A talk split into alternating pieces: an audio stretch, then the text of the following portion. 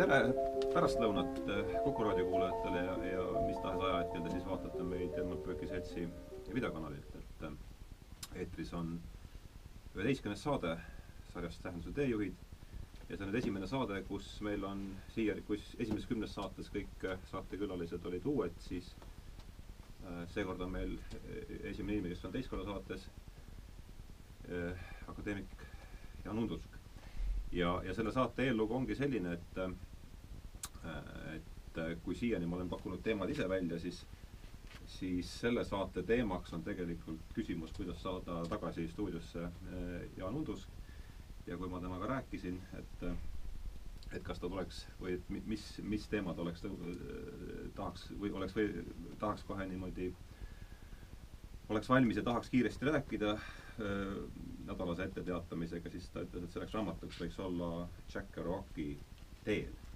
Ja nii me siis nädal aega tagasi selle teemaga püsti panime ja ja Jaani ettepanekul ja väga, väga heal ettepanekul kutsusime teiseks saatekülaliseks inimese, kes on selle raamatu tõlkinud, kirjanik Peeter Sauter. ja ma küsiksingi kõigepealt Jaani käest ja siis kohe selle järgi Peetri käest. punkt üks, Jaan, miks sa pakkusid selle raamatu välja ja, ja, ja Peeter, miks sa selle raamatu tõlkisid, aga alustame Jaanist no jaa, need on need äh, kiired operatiivsed olukorrad, kus ei saa pikalt arutleda, vaid tuleb teha otsus. tingo ja tango vahel valida. Ja ma pidin sulle kiirelt ütlema äh, ühe raamatu, mis on minus äh, suurt mõju avaldanud, lugemise elamuse tekitanud. Ja samal ajal paralleelselt ma pidin mõtlema isikule, kellega koos me võiksime sellest raamatust siis stuudios rääkida hekseldasime seal üht ja teist läbi, no tõesti, mul oli ainult paar minutit aega. kõigepealt ma küsisin natuke pikendust, aga siis plaksatas. olgu, kui me juba jõudsime enam-vähem sinnamaani, et, et võtame ühe mõju avaldanud tõlketeose, siis selleks võiks olla näiteks Jack Kerouaci Teel, mille on siis tõlkinud Peeter Sauter. ja mul oli veel üks selline lisamõte, et tegelikult tahaks nagu Peetrile austust avaldada selle, võib-olla me räägime sellest veel edaspidi siin, selle raamatu tõlkimise noh, puhul, sest, sest see on tõesti üks selliseid tõlkeid, võib-olla tundub see natukene kohatu, aga minu meelest mitte, mille võib panna noh, ütleme Tuglase seitsme venna tõlke kõrvale või kas või Belti, Betty Alveri, Jevgeni Onegini tõlke kõrval, ta on muidugi väga erinev tekst, aga, aga lihtsalt seetõttu, et ta on niivõrd hästi õnnestunud. Peeter, kas lähed, lähed natuke, lähed natuke puhevile ka? seda oli nüüd väga kummaline kuulda, sest jah seal peab olema mingi muu põhjus, miks see sulle sobis, ma hakkasin mõtlema, et kas sellel võib olla puutepunkte sinu esimese romaaniga, kus on ka siukest armastust, ängistust ja kus on siukene tugev flow või, või teksti vool, siukene sisemine energia, mis Kerouacil on mm, meeletu. Ja, ja eks tal on kogu aeg seda kogu kirjutamise jooksul ju olnud, aga millegipärast see on selline peak moment või, või no seal see kuidagi väljendub kõige kontsentreeritumalt. ja see on veider, et ega ta hiljem siis halvemini ei kirjutanud, ma arvan, et paremini kirjutas, aga, aga sa ei saa uuesti teha ühte asja, mis on hästi välja kukkunud noh, eks ta proovis ka siis äh, kalpsata sinna-tänna natukene kõrvale, aga enesest lahti ka ei saa, oma keelest ei saa lahti, oma minast, äh, hoiakutest, iseloomust. ringiga jõuad jälle enda juurde tagasi, jälle hakkad uuesti sedasama asja kirjutama ja paremini sa seda paraku enam ei kirjuta, et see pole ainult Kerouaci fenomen, et see esimese raamatu fenomen kuigi see ei olegi Rooki esimene raamat, Dawn and the City oli ennem ja, ja ennem seda on veel, äh, mis nüüd on välja antud, äh, siis My Brother, mis on võib-olla sihuke jutustuse moodus, ma ei ole seda lugenud, aga ma vaatasin, et see on ilmunud nüüd, nüüd sellel sajandil tema lühikeselt meremehe päevilt kirjutatud selline merejutt. aga jah, et siin ilmselt ta midagi leidis. Ja mina leidsin raamatu hoopis Mündi tänava antikvariaadist. oli vist sealt, kui ma ei eksi nüüd jah. oli küll antikvariaat. äkki, äkki oli jah. ja mis aastast see võis olla siis? nõukaaeg. Nõukaajal veel, jah. aga ma aastat ei tea ja jah, see oli enne sõjaväge, enne Nõukogude sõjaväge, nii et see pidi olema kas seitsmekümnendate lõpp või kaheksakümnendate algus minu jaoks ja see oli kõige esimene raamat, mille ma inglise keeles läbi lugesin. Ja see on kõige esimene raamat, mille ma inglise keelest olen tõlkinud, seetõttu on see äh, tõlge täiesti oskamatu, profaanne, mis võib-olla sobib äh, mingil moel Kerouaci tekstiga, sest ta teeb ka midagi, mida ta ei oska. ja seetõttu see on toores tekst ja ta on selline rabe, väga isiklik, kohmakas, aga kaetud või kantud suurest kirest, ambitsioonist, teha tahtmisest, võib-olla maailmavalust, noh jah, maailmavalu on nii ebamäärane sõna, aga noh, pigem mingist äh, elaanist või, või noh. elaani on seal ja vurtsu on seal ikka jah, jah, no seda ta taga ajas, vaata see on äh, ennem äh, romaani kirjutamist, tal on mitmeid siukseid momente seal, kirjutas talle ühe kirja, mis oli ka selline noh, võib-olla laksu all, aga niimoodi ma vaatasin, et kui palju on kümme tuhat sõna, eks ole, Ameerikas on teksti pikkus sõnade järgi, mina olen harjunud tähemärkide järgi. aga see on umbes, umbes laias laastus kuuskümmend tuhat tähemärki, mis on sihuke jutustuse mõõtu tekst, aga see oli kõigest kirjakene Neil Cassadylt äh, Jack Kerouacile ja ka ilmasugu, igasuguste lõikudeta, noh, ilmselt siis masinakirjas ma oletan, ma ei ole näinud seda kirja noh, nagu, nagu ta On the Road'i kirjutas ka, eks ole, sellele pikale paberirullile ka ilma igasuguste vahedeta, lõikudeta, et oleks selline lõppematu energiavoog. ja see on seal tõesti olemas nii palju. jah, kuidagi see sinna sisse tuleb, no see oli suuresti ka ju äh, džässi kuulamise eeskuju niimoodi napsusena laksu all kuulates seal Charlie Bird Parkerit või Thelonious Monki ja noh, hiljem veel kõvasti teisi mehi, et noh, et kui saaks selle flow või selle feeling'u, selle kaifi tuua, tuua üle kuidagi teksti mm. -hmm. et sa oled noh, nad, nad istuvad seal, kuulavad, oligi vist Charlie Parkerit ja kes siis ütleb, et tal on see George Shearingi, kui ma, ma, ma lõpetasin, jah, just, jah ja, ma lõpetasin nüüd kaks tundi tagasi raamatu, nii et mul on mälu on oluliselt värske. Käsel ütleb, jumala tühi tool. see eesti keeles kõlab muidugi, inglise keeles minu arust lahjem, cold empty chair, aga eesti keeles ta on nagu kahetine, jumala tühi tool. et see Shearing on hästi tõusnud, noh, täitsa tühi tool. nojah, et äh, seda asja teksti üle tuua ja noh, või võib-olla siis on, aga samas üks nõks ju väsib ära, et keegi ei saa ühe nõksu peal lõputult sõita. Pole see kasvõi Kerouac, et äh, ei saa.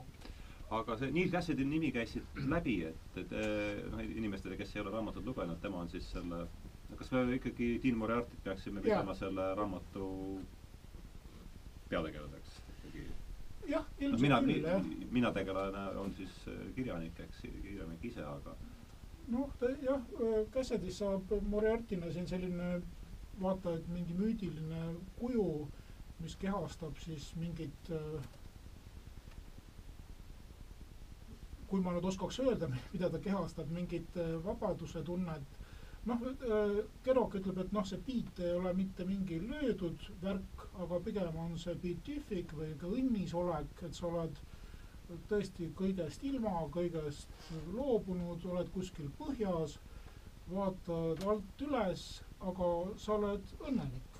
Ja sa oled äh, koos kõigega, noh, siin tulevad niisugused budistlikud noodid ilmselt mängu, seda flirtis budismiga katoliikluse kõrval.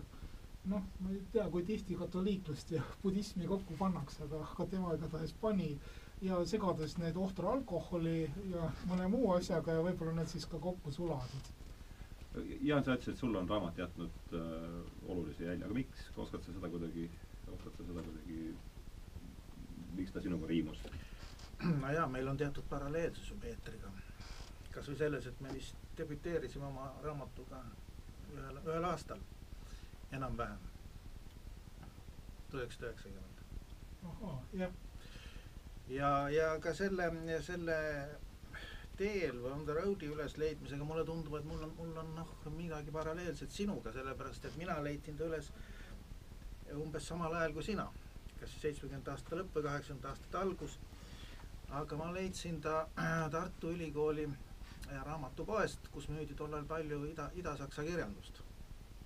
see oli nagu see meie päästja, kui sul oli juba saksa keel niimoodi hakkas juba tulema lugemiseks, eks ju, oli, oli see juba nagu võim-, võimalik, siis seal selle kaudu sai ju laia maailma vaadata päris hästi. ja üks, üks neid raamatuid, mis ma sealt ostsin, sellest ülikooli raamatupoest oligi seesama On the road või Unterwegs saksa keeles, Ida-Saksa Leipzigi väljaanne ja hakkasin siis lugema. ega ma lõpuni ei lugenud, aga polnudki vaja lõpuni lugeda, nagu sa ise ütled, et see sellest eh, romaanist tuleb tunne sisse saada, tuleb tunne sisse saada ja, ja mina sain selle sisse, Kerouaki ma muidugi teadsin varem nime. ja ega ma muidu poleks seda ostnud, mida ma varem teadsin, seda ma ei oska öelda. aga ma ostsin, lugesin, sain aru, et see on see õige kirjandus, see läheb mulle hästi peale. ja hiljem, hiljem tõlkisid ta sina üheksakümne kuuendal aastal selle raamatu eesti keelde vähemalt ilmus tuhat üheksasada üheksakümmend kuus. ega ma teda siis kohe ei ostnud, kunagi antikvariaadist hiljem ostsin selle sinu tõlke hakkasin siis eesti keeles lugema. vahepeal oli mul ka inglis, ingliskeelne variant koju ilmunud. ja, ja ma ütleksin, et seda juhtub harva.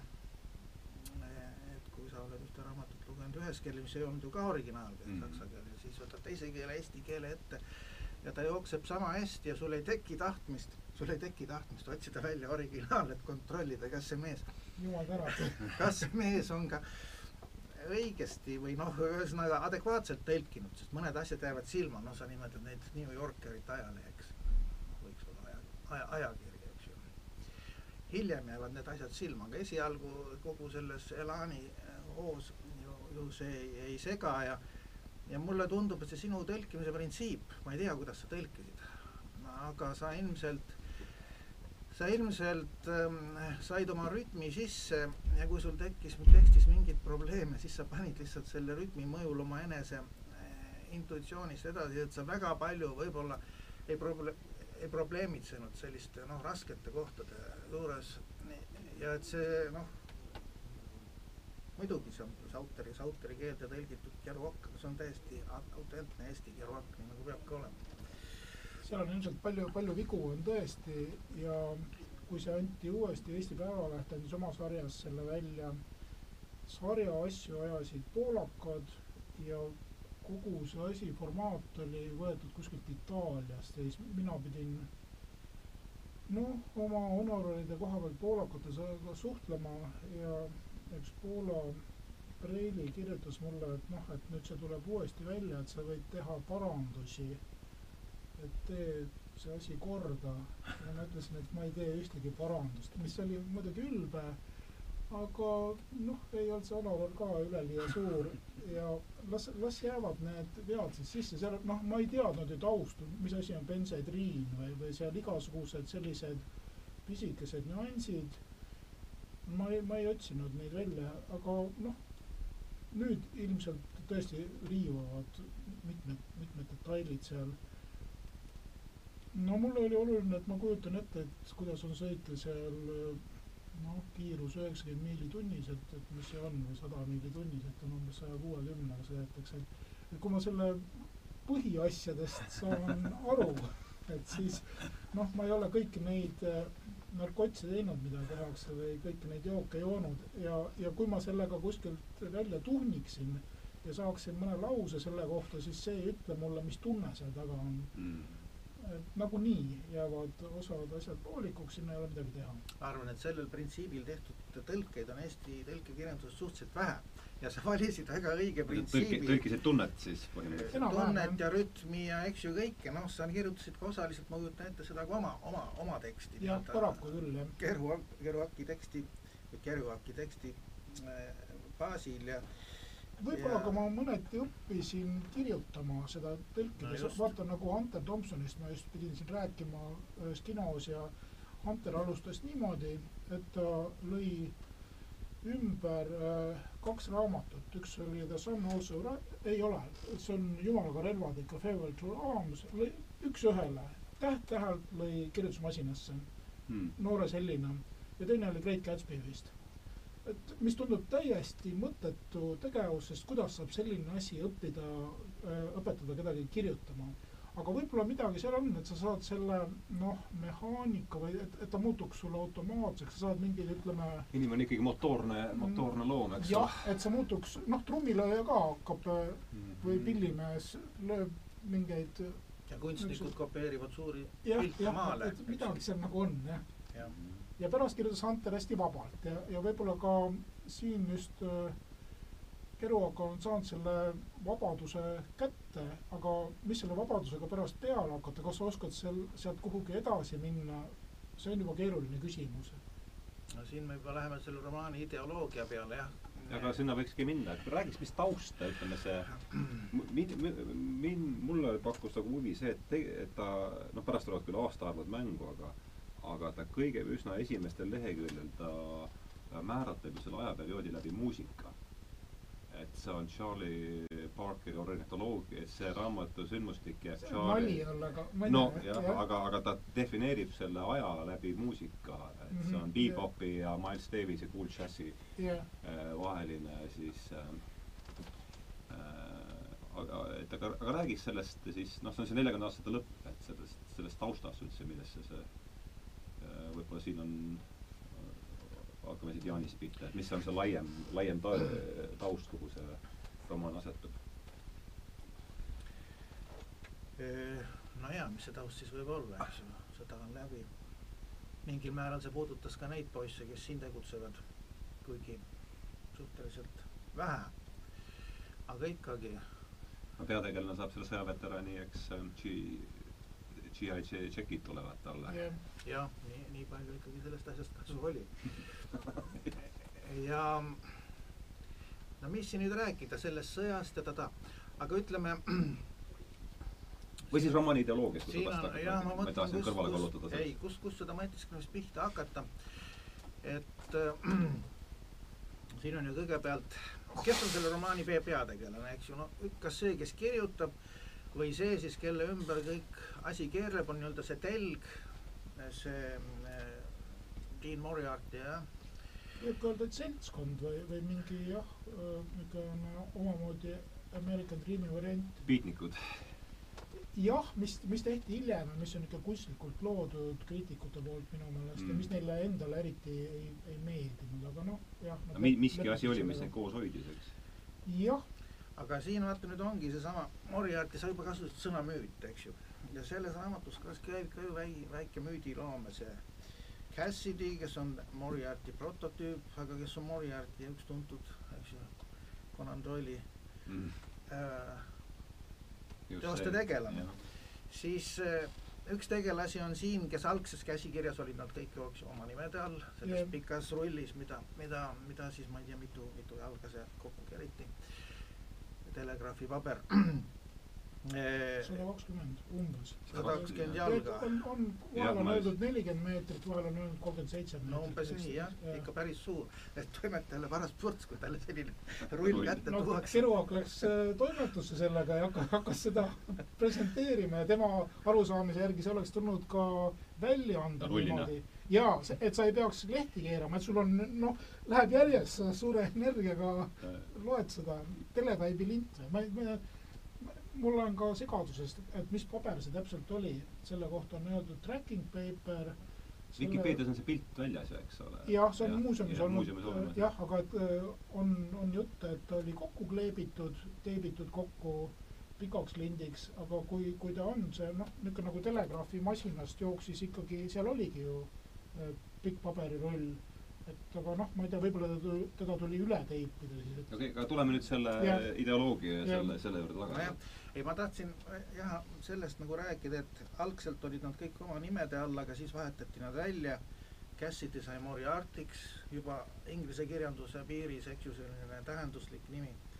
siis äh, Allan Ginsberg sai Carlo Marxiks. ja noh, ta oligi Dean ja marksistide mingis mõttes ka Dean on ju tähenduslik võib-olla, ma ei tea, kas James ta autos ikkagi, eks ole., ja Dean. Kui dekaan ja veel selline Jah. seltskonna juht, eks. seal taga jah, no siis seesama peategelane on Sal Paradise, eks ju, paradiis, noh, ei ole ka juhuslik nimi, ma va- vaatasin, siin esineb veel keegi D'Annunzio, see on küll kõrvaltegelane, Itaalia dekadentsi kirjanik ja nii edasi, selliseid asju on siin veelgi, Goethe ja, ja noh, need teised käivad siit ju ka mitu korda läbi, ehkki ma ei ja et see ja tuli kuidagi trotsist, et tal Jah. kästi need nimed ära muuta ja ütles, et hea küll, ma panen teile siis nimed.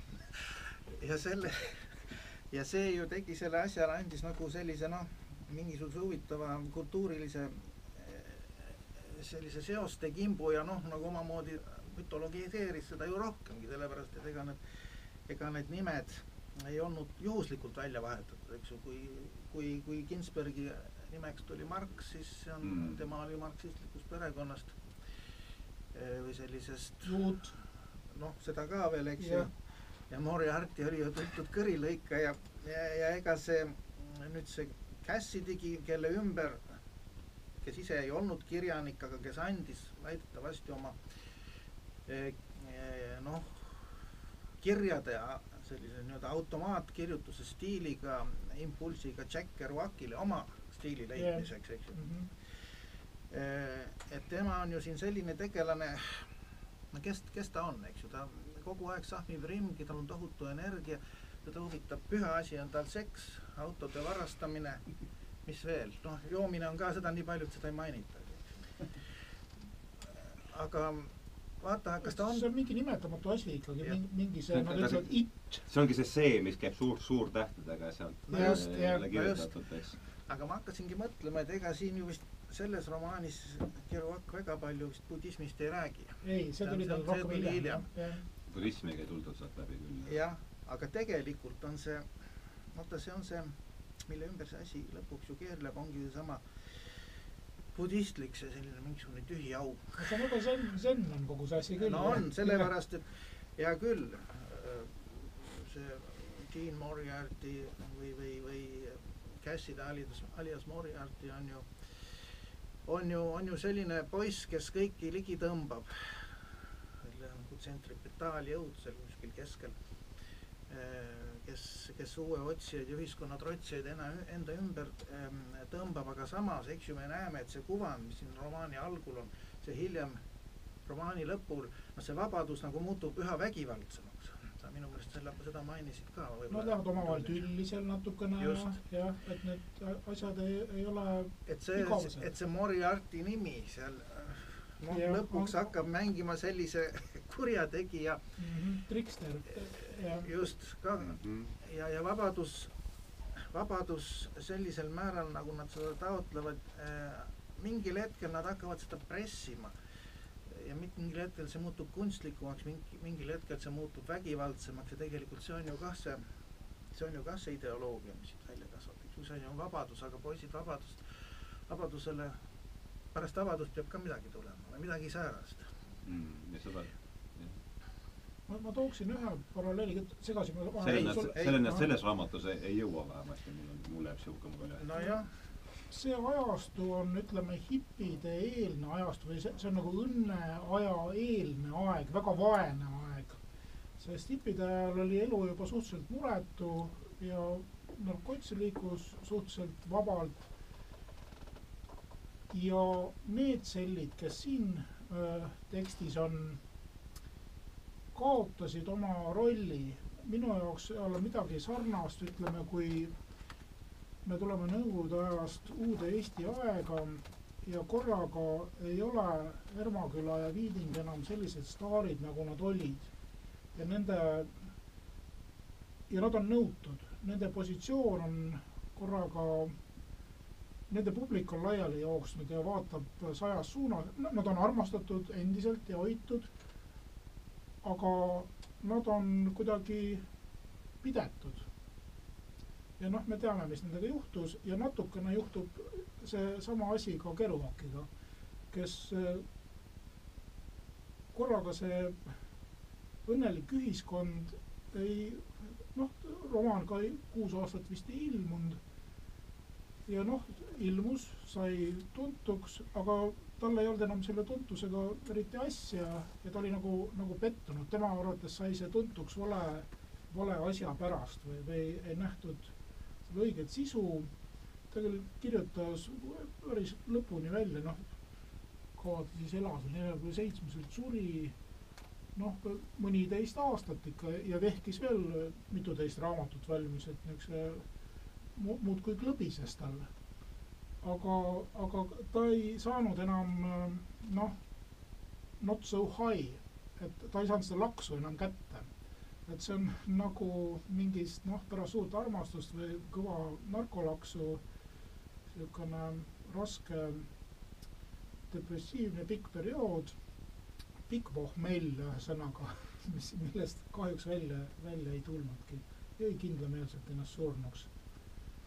Ma ei jõudnud küll palju, ma, nagu ütlesin, ma lõpetasin paar tundi tagasi selles raamatu, et ma ei jõudnud nagu tausta väga palju uurida, aga ma nägin ühte kirja, kus Kerouac ütleb ise raamatu kohta, et on kaks katolikku poissi otsivad Ameerikast Jumalat ja, ja, ja lõpuks leiavad selle, ütleb Kerouac. ma ei tea, kuidas et, et see suurte tähtedega see, mis sealt raamatust läbi käib, see justkui, mulle tundus see nagu noh, ühesõnaga ma ei tea, mis te selle, mis te sellest, kuidas te seda kommenteerite? tekitab see sinus mingit, just see, et, et ta defineeris äh, enda ja Cassidy siis äh, katoliku poistena, et see tundub kui sa seda raamatut loed, siis ei viita nagu seal midagi sellele. no tal oli väga katoliiklik ema, katoliiklik taust, ta, tal oli see katoliiklus äh, oluline läbi kogu elu mingi, mingil moel, jah. aga ma tooksin siia juurde ühe mõiste, see on vagadus. kui sa seda, seda raamatut loed, mida me praegu nagu arutame teel, see on ju tegelikult väga vaga raamat, siin noh, kasvõi see seksimine, mis siin käib see on seotud frustratsiooniga, temal endal ei tule see siin suurt välja, Dean Moriarty kuskil taustal laseb kümnete kaupa endale yeah. järjest noh, nagu täis, täis kümnesse. aga noh, siin on minu meelest see, ta ju kirjutab, et temal endal polnud kunagi tüdrukut veel olnud või vähemalt selles romaanis mitte, teistel kõigil oli ja siis ta tahtis ka leida ja, ja vaata siis ta leidis siis ma läksin Rita Betancouriga kokku saama ja tõin ta tagasi korterisse. peale pikka seletamist pimedas elutoas sain ta oma magamistuppa. ta oli armas väike tüdruk, lihtne ja otsekohene ja seksi ees raskelt hirmu täis. ütlesin talle, et see on ilus. ma tahtsin seda talle tõestada, ta lasi mul tõestada. Aga ma olin liiga kannatamatu ja ei tõestanud talle mitte kui midagi. ta ohkas pimeduses. mis sa elust tahad, küsisin talt. mul oli üldse kombeks seda naistelt küsida ma ei tea, ütles ta, lihtsalt töötad ettekandjana ja katsun hakkama saada. ta haigutas. vot see oli siis see, eks ju, see seks, suur püha asi. aga kui ta noh, samas ütleme, see peategelane, kes on ise ju ka selline, läheb teise vagaga kokku, siis asi, asi, asi on noh Nad olid väga süütud tõesti jah, mul on täiesti jah, ja see on see katoliikluse põhi, ma arvan, noh, mis võib-olla hiljem, eks ju, raspeldati nagu maha järgmistes teostes, aga ja kui võrrelda, ütleme sama aja Jack Kerouaci suur kaaslane oli ju Allen Ginsberg, eks ju. Karlo Marx on ta siis. Karlo Marxi nime all siin raamatus. ta isegi Karlo veel jah. Karlo jah ja. ja.. Siis kui lugeda Ginsbergi viiekümnenda aastate keskpaiga tekste, siis need on ikkagi, need on ikkagi teistmoodi siis, ikka Ginsberg tuleb teisest kultuurist, ta ropendab ja noh, muidugi tal on algusest peale see anaalsfäär on väga tähtis, mis läks vanas eas veelgi tähtsamaks. üks oli, eks ju, homokool no,. see on nagu kaubamärk peaaegu haulis ja, ja, ja tähendab sellepärast see haul ongi keelatud oli ja, ja oli nii tema läbilöögi asi, ta ei saanud sellest loobuda, anaalseks oli noh, kleepus talle külge. sa räägid nüüd kin-, Kinsbergist, Kinsbergist ja sellega võrreldes on Kerouac ju väga vaga mees. Tema tahab ka endale tüdrukut, no miks ta ei peaks tahtma? raha ei ole, eks ju, õlut saab osta, kõigeks ei jätku raha, aga samas see noh, mis ta kirjutab, see on muidugi sellise energiaga, nad tuulavad seal ringi, ükski korralik kodanlane niimoodi ei ela, vaat see kõige ebamoraalsem asi on see, et nad tuulavad kogu aeg ringi, ega see noh, see viina võtmine on halba. ühest, ühest kaldast teise, ühest kaldast varastavad teise. muidugi, eks no, ju, aga ei varasta. see on autokütust umbes, et see, see on piir, midagi, kellegi korterit nad tühjaks tegema ei hakka nojah, et see on ju, see on ju rikas Ameerika, seal on kõike üleliia, sellest see protest Mhm. tekibki, miks me ei võiks endale kasti toitu tuua sealt kuskilt Mm. laeva jah, pealt. jah. no umbes selline arutlusstiil. nii et selles mõttes see katoliiklus paistab siin minu meelest välja, välja küll. see, põhi ja et, et see nagu ei rahulda ja otsitakse uut religiooni ja siis vot tulebki see võib-olla see it, see mingisugune tühi koht, mis keerab enda ümber, tahaks teada, mis seal on. seal võib olla, seal võib olla sees see lõplik rahunemine, nirvana, aga seal võib olla sees ka, võib ka olla lõpuks tühik, eks ju, see on nagu natukene ju selles romaanis jõutaksegi noh, nagu lõpuks see õhk kaob ikkagi ära.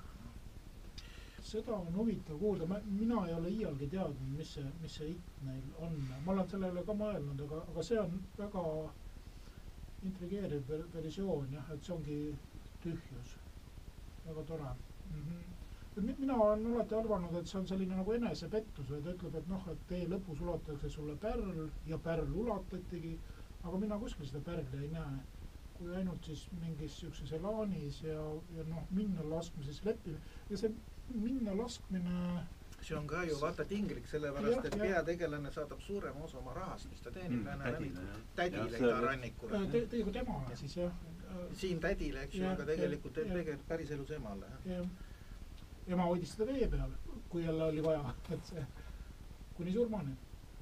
noh, niisugune väga pere, perekeskne asi on see tegelikult ka, kuigi näiliselt on juhusuhted, aga noh, Kerouac oli väga oma ema hoidev ja noh, kirjutab, eks ole, oma vennast, kes suri üheksa aastaselt, kui Kerouac oli neli, ta kirjutab Business of Gerard ja noh, ta kandis kogu elu seda kaasas oma surnud venda. et noh, sellised lähisuhted ja ja noh, neil tekib ka omavahel, nad on siis Columbia, Columbia ülikooli poisid, eks ole, et neil tekib ka niisugune nagu mingi noh, kamraadlik kom,, vaata et perekond või, või mingi imaginaarne suguselts nende vahel.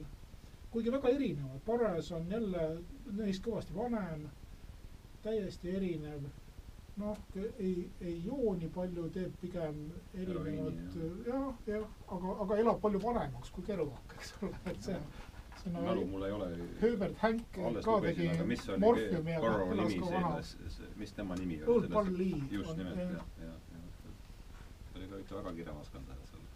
Eh, jah, aga tal olid niisugused perioodid, ta tegi periooditi ja noh, siis nad käisid muidugi Marokos, kus oli head kraami, sai, sai igasugust ja, ja poisse ka ilmselt, eks ole, et et siis on mitmed raksud käiakse seal veel.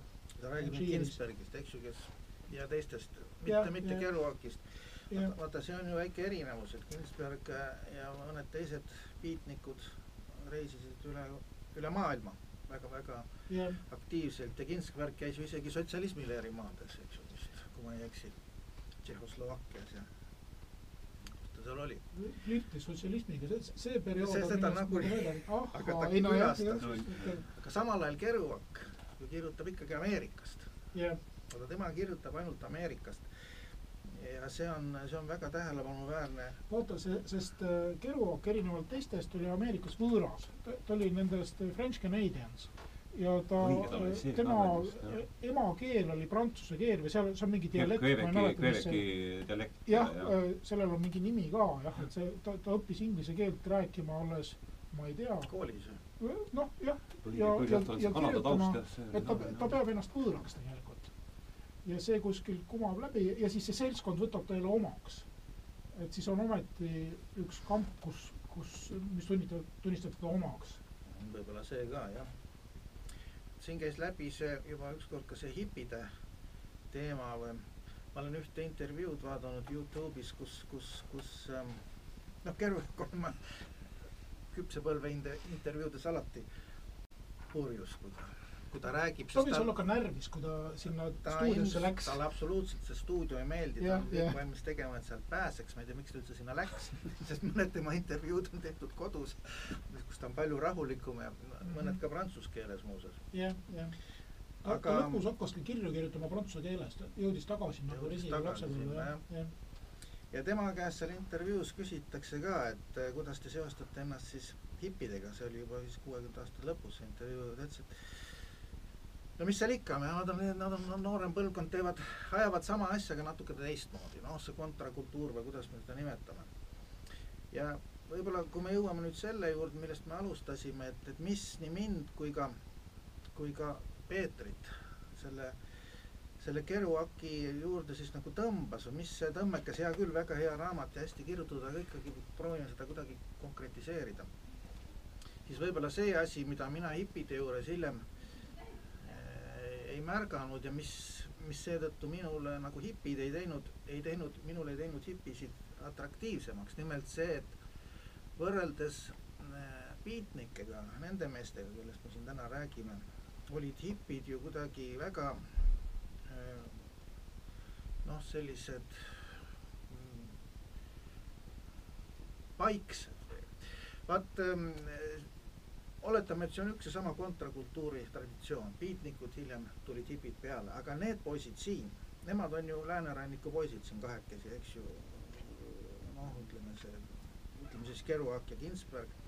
üks, üks on pärit, eks ju, Idaranniku- poisid ja üks on Massachusettsist, teine New Jersey'st.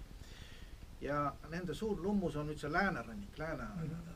metsiku lääne avastamine või see Ameerika, Ameerika kui sellise avaruse ar- avastamine ja selle noh, ka armastamine. ja sellest, see ongi siin kogu aeg see liikumisvektor, dünaamika ju siin äh, domineerib, eks ju, nad liiguvad kogu aeg ja nii nagu tekstki liigub nii, nagu hingamisrütmis, nii need, nad ise ka hingeldavad kogu aeg edasi, kui paigale jäädakse, see nagu see, see on nagu noh, sealt peab jälle kuidagi edasi saama. nüüd, kui me võrdleme sellega hipisid hiljem, siis hipid olid ju noh, mul on selline mulje tunduvalt staatilisem, nad koondusid ühtedesse kohtadesse, moodustasid kolooniaid, eks ju, proovisid jälle elada seal koos. hea küll, seal oli ka grupiseks või isegi rohkem, eks ju no,. aga neil ei olnud seda, kuna nad tahtsid nagu tõesti luua selle noh, nii-öelda heaoluühiskonna sees mingisugust paradiislikku enklaavi, siis nad maa-ala või oma majad ja elasid seal koos ja nii edasi. ja see oli natukene teine, teine siis. Tunduvalt passiivsem, eks. jah, see oli selline noh, ütleme ilmselt lähemale võib-olla mingisugusele kommunistlikule ideaalile, kõik suurperena koos ühe teki all, noh ideaalis muidugi nii ei tulnud välja. lõpuks moodustasid ikka paarid üsna pea aga et mis meid võis selle asja juures just Peetriga tõmmata, just oligi see liikumine ja see, see dünaamika. Vot just, just see osa, mis ma ei tea, mina ei ole hipides jah, ja selles lille, lillekultuuris ilmselt hipid olid ka omamoodi selline noh, sellesama kultuuri mingisugune feminiinsem jätk või, või feministlikum, feministlikuma tooniga jätk juba. lilled ja, ja laulud läksid ju, eks ju, palju palju leebemaks ja ilusamaks ja püüti elada, elada koos ja kasvatada lapsi koos. Et see ei olnud nii ligitõmbav kui see algne noh, nii-öelda ja see ikkagi pulbitseb maskuliinsusest. viimane sihuke maskuliinsuse vabaduse. no me elasime ju suletud riigis ja, ja. ma, ma hääletasin Nõukogude Liidus ringi Märsis äh, Kerouac on the road ja oli selleks tehtud spetsiaalne niisugune puldan õlakott, et see noh, mis aasta need olid siis? oh taevas, ma olin teismeline, see, see pidi olema siis seitsmekümnendate lõpp, ja kus sa selle Kerokiga siis ringi tuuseldasid? No Karjalas, Leedus, Lätis, ma väga kaugele ei jõudnud jah, ütleme Hääletasid? kuni Moskvani. ja sõitsin ka noh, sõitsime rongiga, kaubarongil, ronisime platvormile, meid võeti maha sealt, aga noh, mingeid paar korda sai siis kuskil miilitses ka istutud, aga noh, suuri patte ju ka ei olnud.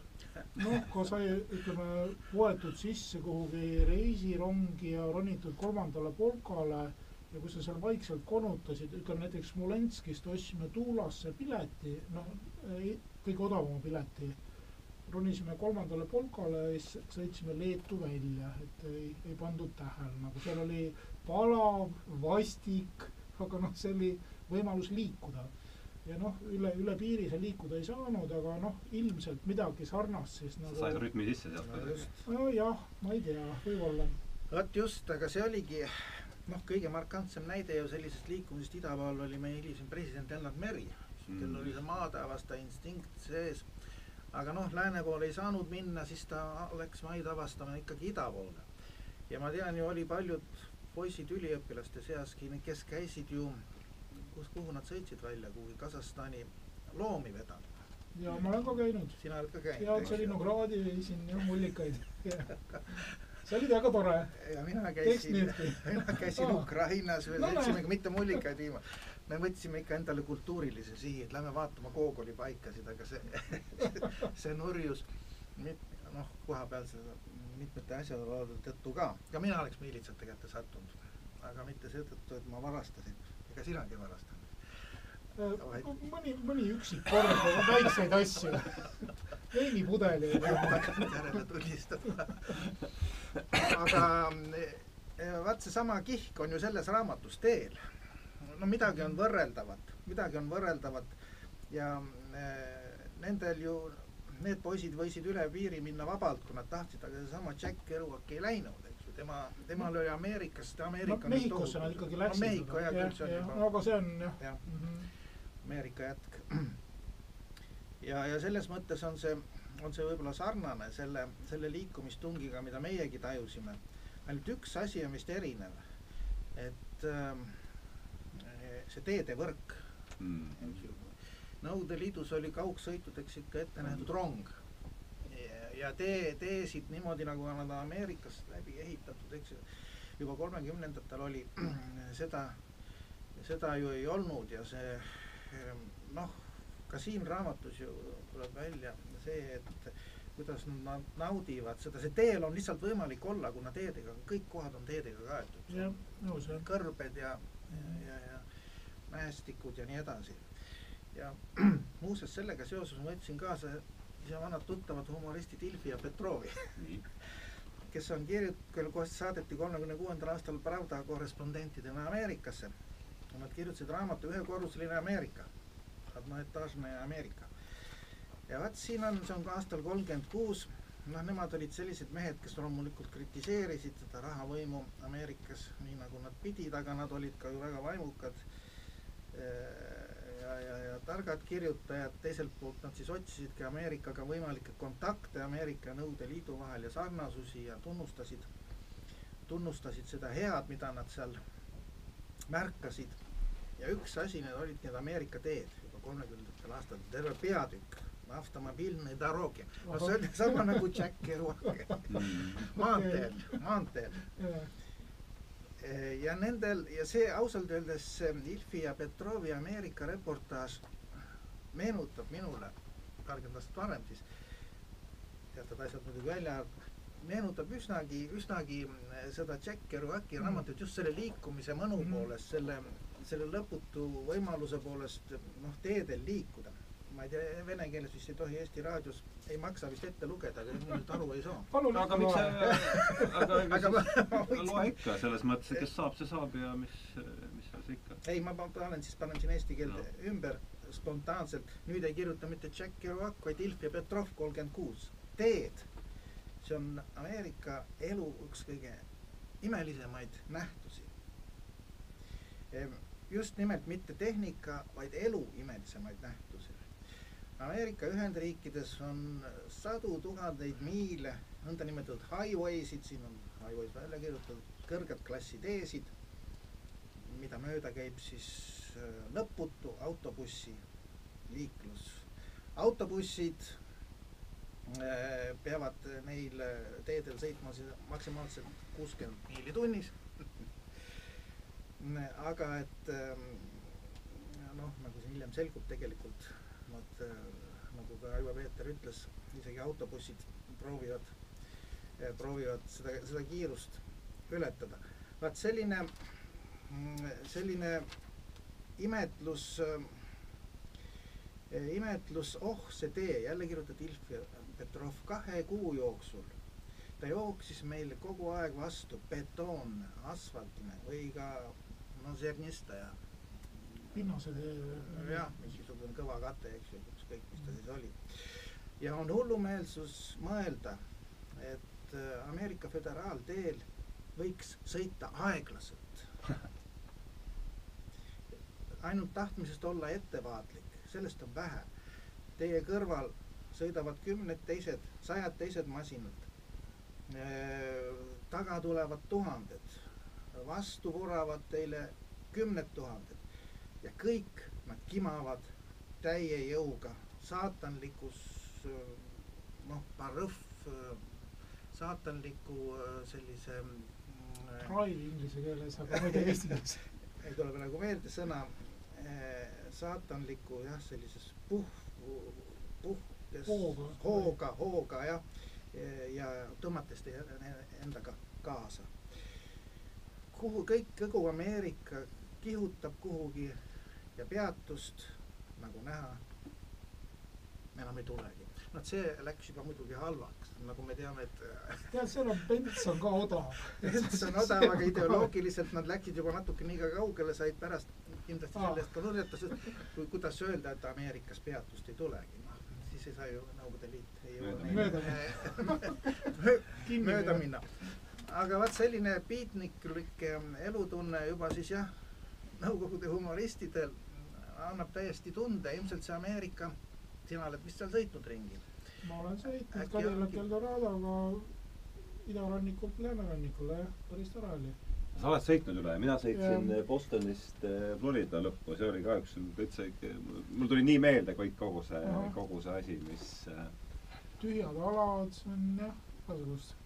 minu, minu üks elu üks noh, üks kogemusi, mis jääb igaveseks meelde, on see, kui sa sõidad, eks sealt põhjast lõunasse ja kusagil, ma arvan, see võis olla Lõu- Lõuna-Carolinas näiteks, on nii, nagu keegi vajutaks nupu peale ja see taevas läheb, siis see, see taevas, mida me meie oleme näinud, läheb niimoodi selliseks Jah. troopiliseks, täiesti teiseks ja see on täpselt nii, nagu keegi vajutaks äh, äh, nupule niimoodi.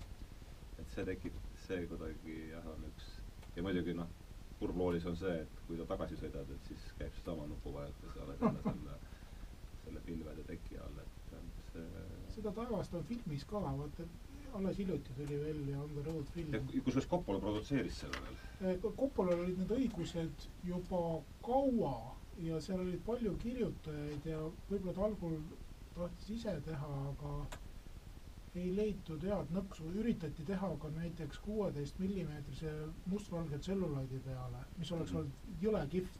kahju, et siukse noh, nagu underground asi, see ei oleks saanud mingeid kassasid või see, oleks tulnud siukene arthouse film. kahju, et midagi sellist ei tehtud. oled filmi näinud? jah, jah, ma vist isegi kirjutasin sellest. Jaan, sa ka või? mina olen ka näinud jah. ma ei ole jah, jah, aga ma vaatasin, et ta ei olnud selles IMDB-s eriti kõrgeid punkte saanud, mis te ei filmist arvate?, ta on, aga mina jäin täiesti rahule ma nägin ära, seal on noh, hellalt ja hoolega välja toodud igasugused needsamad bensodriinituubid ja, ja kuidas need kõik välja nägid siis igasugused, millised need džässi urkad olid ja noh, suitsused ja, ja kuidas see on äh, niimoodi siis esile manatud, sest noh, kirjutades või, või seda tõlkides teksti kirjutades ma, ma ju ei tea või ma, mul ei ole seda pilti, aga kuigi, kuigi film on selline noh, esteetiline ja selline igati ontlik, korralik, kena, kenasti muidugi mängitakse, ta, ta ei ole see, selge, et ta ei ole see.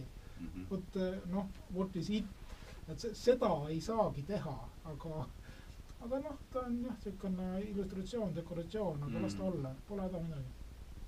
film jah, ei äh, ei jätnud seda muljet, ta lõpuks pööras ära nagu perekonnadraamaks.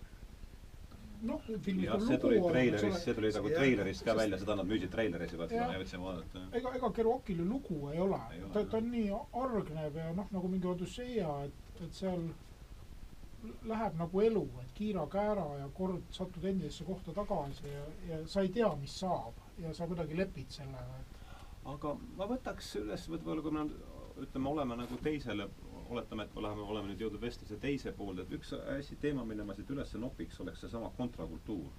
ja et see siis, see beatnikud vastandusid millegi, sellest äh, kontrakultuur jätkus äh,, jätkus siis äh, selle hipid, aga et mis oli see, millele siis vastanduti? et see võiks olla võiks olla üks teema, millega me, millega me siin edasi tegeleme. ja ma loeksin siit ise ka ühe lõigu ette, aga mitte veel Kerouaci raamatust, mul on pärast Kerouaci raamatust ka ühe ette, aga aga kui Jaan selles saates viimati oli, siis me rääkisime Miloši mm, mis ta siis oli, meie magistuse mõistuseks. et seekord ma loeksin hoopis ette lõigu teisest Miloši raamatust, mis mulle on ka jätnud sellise väga sügava mulje. on Miloši niisugune eh, omapärases formaadis eluluraamat Miloši abc ja see on siis eh, paar rida märgu, märksõnast Ameerika.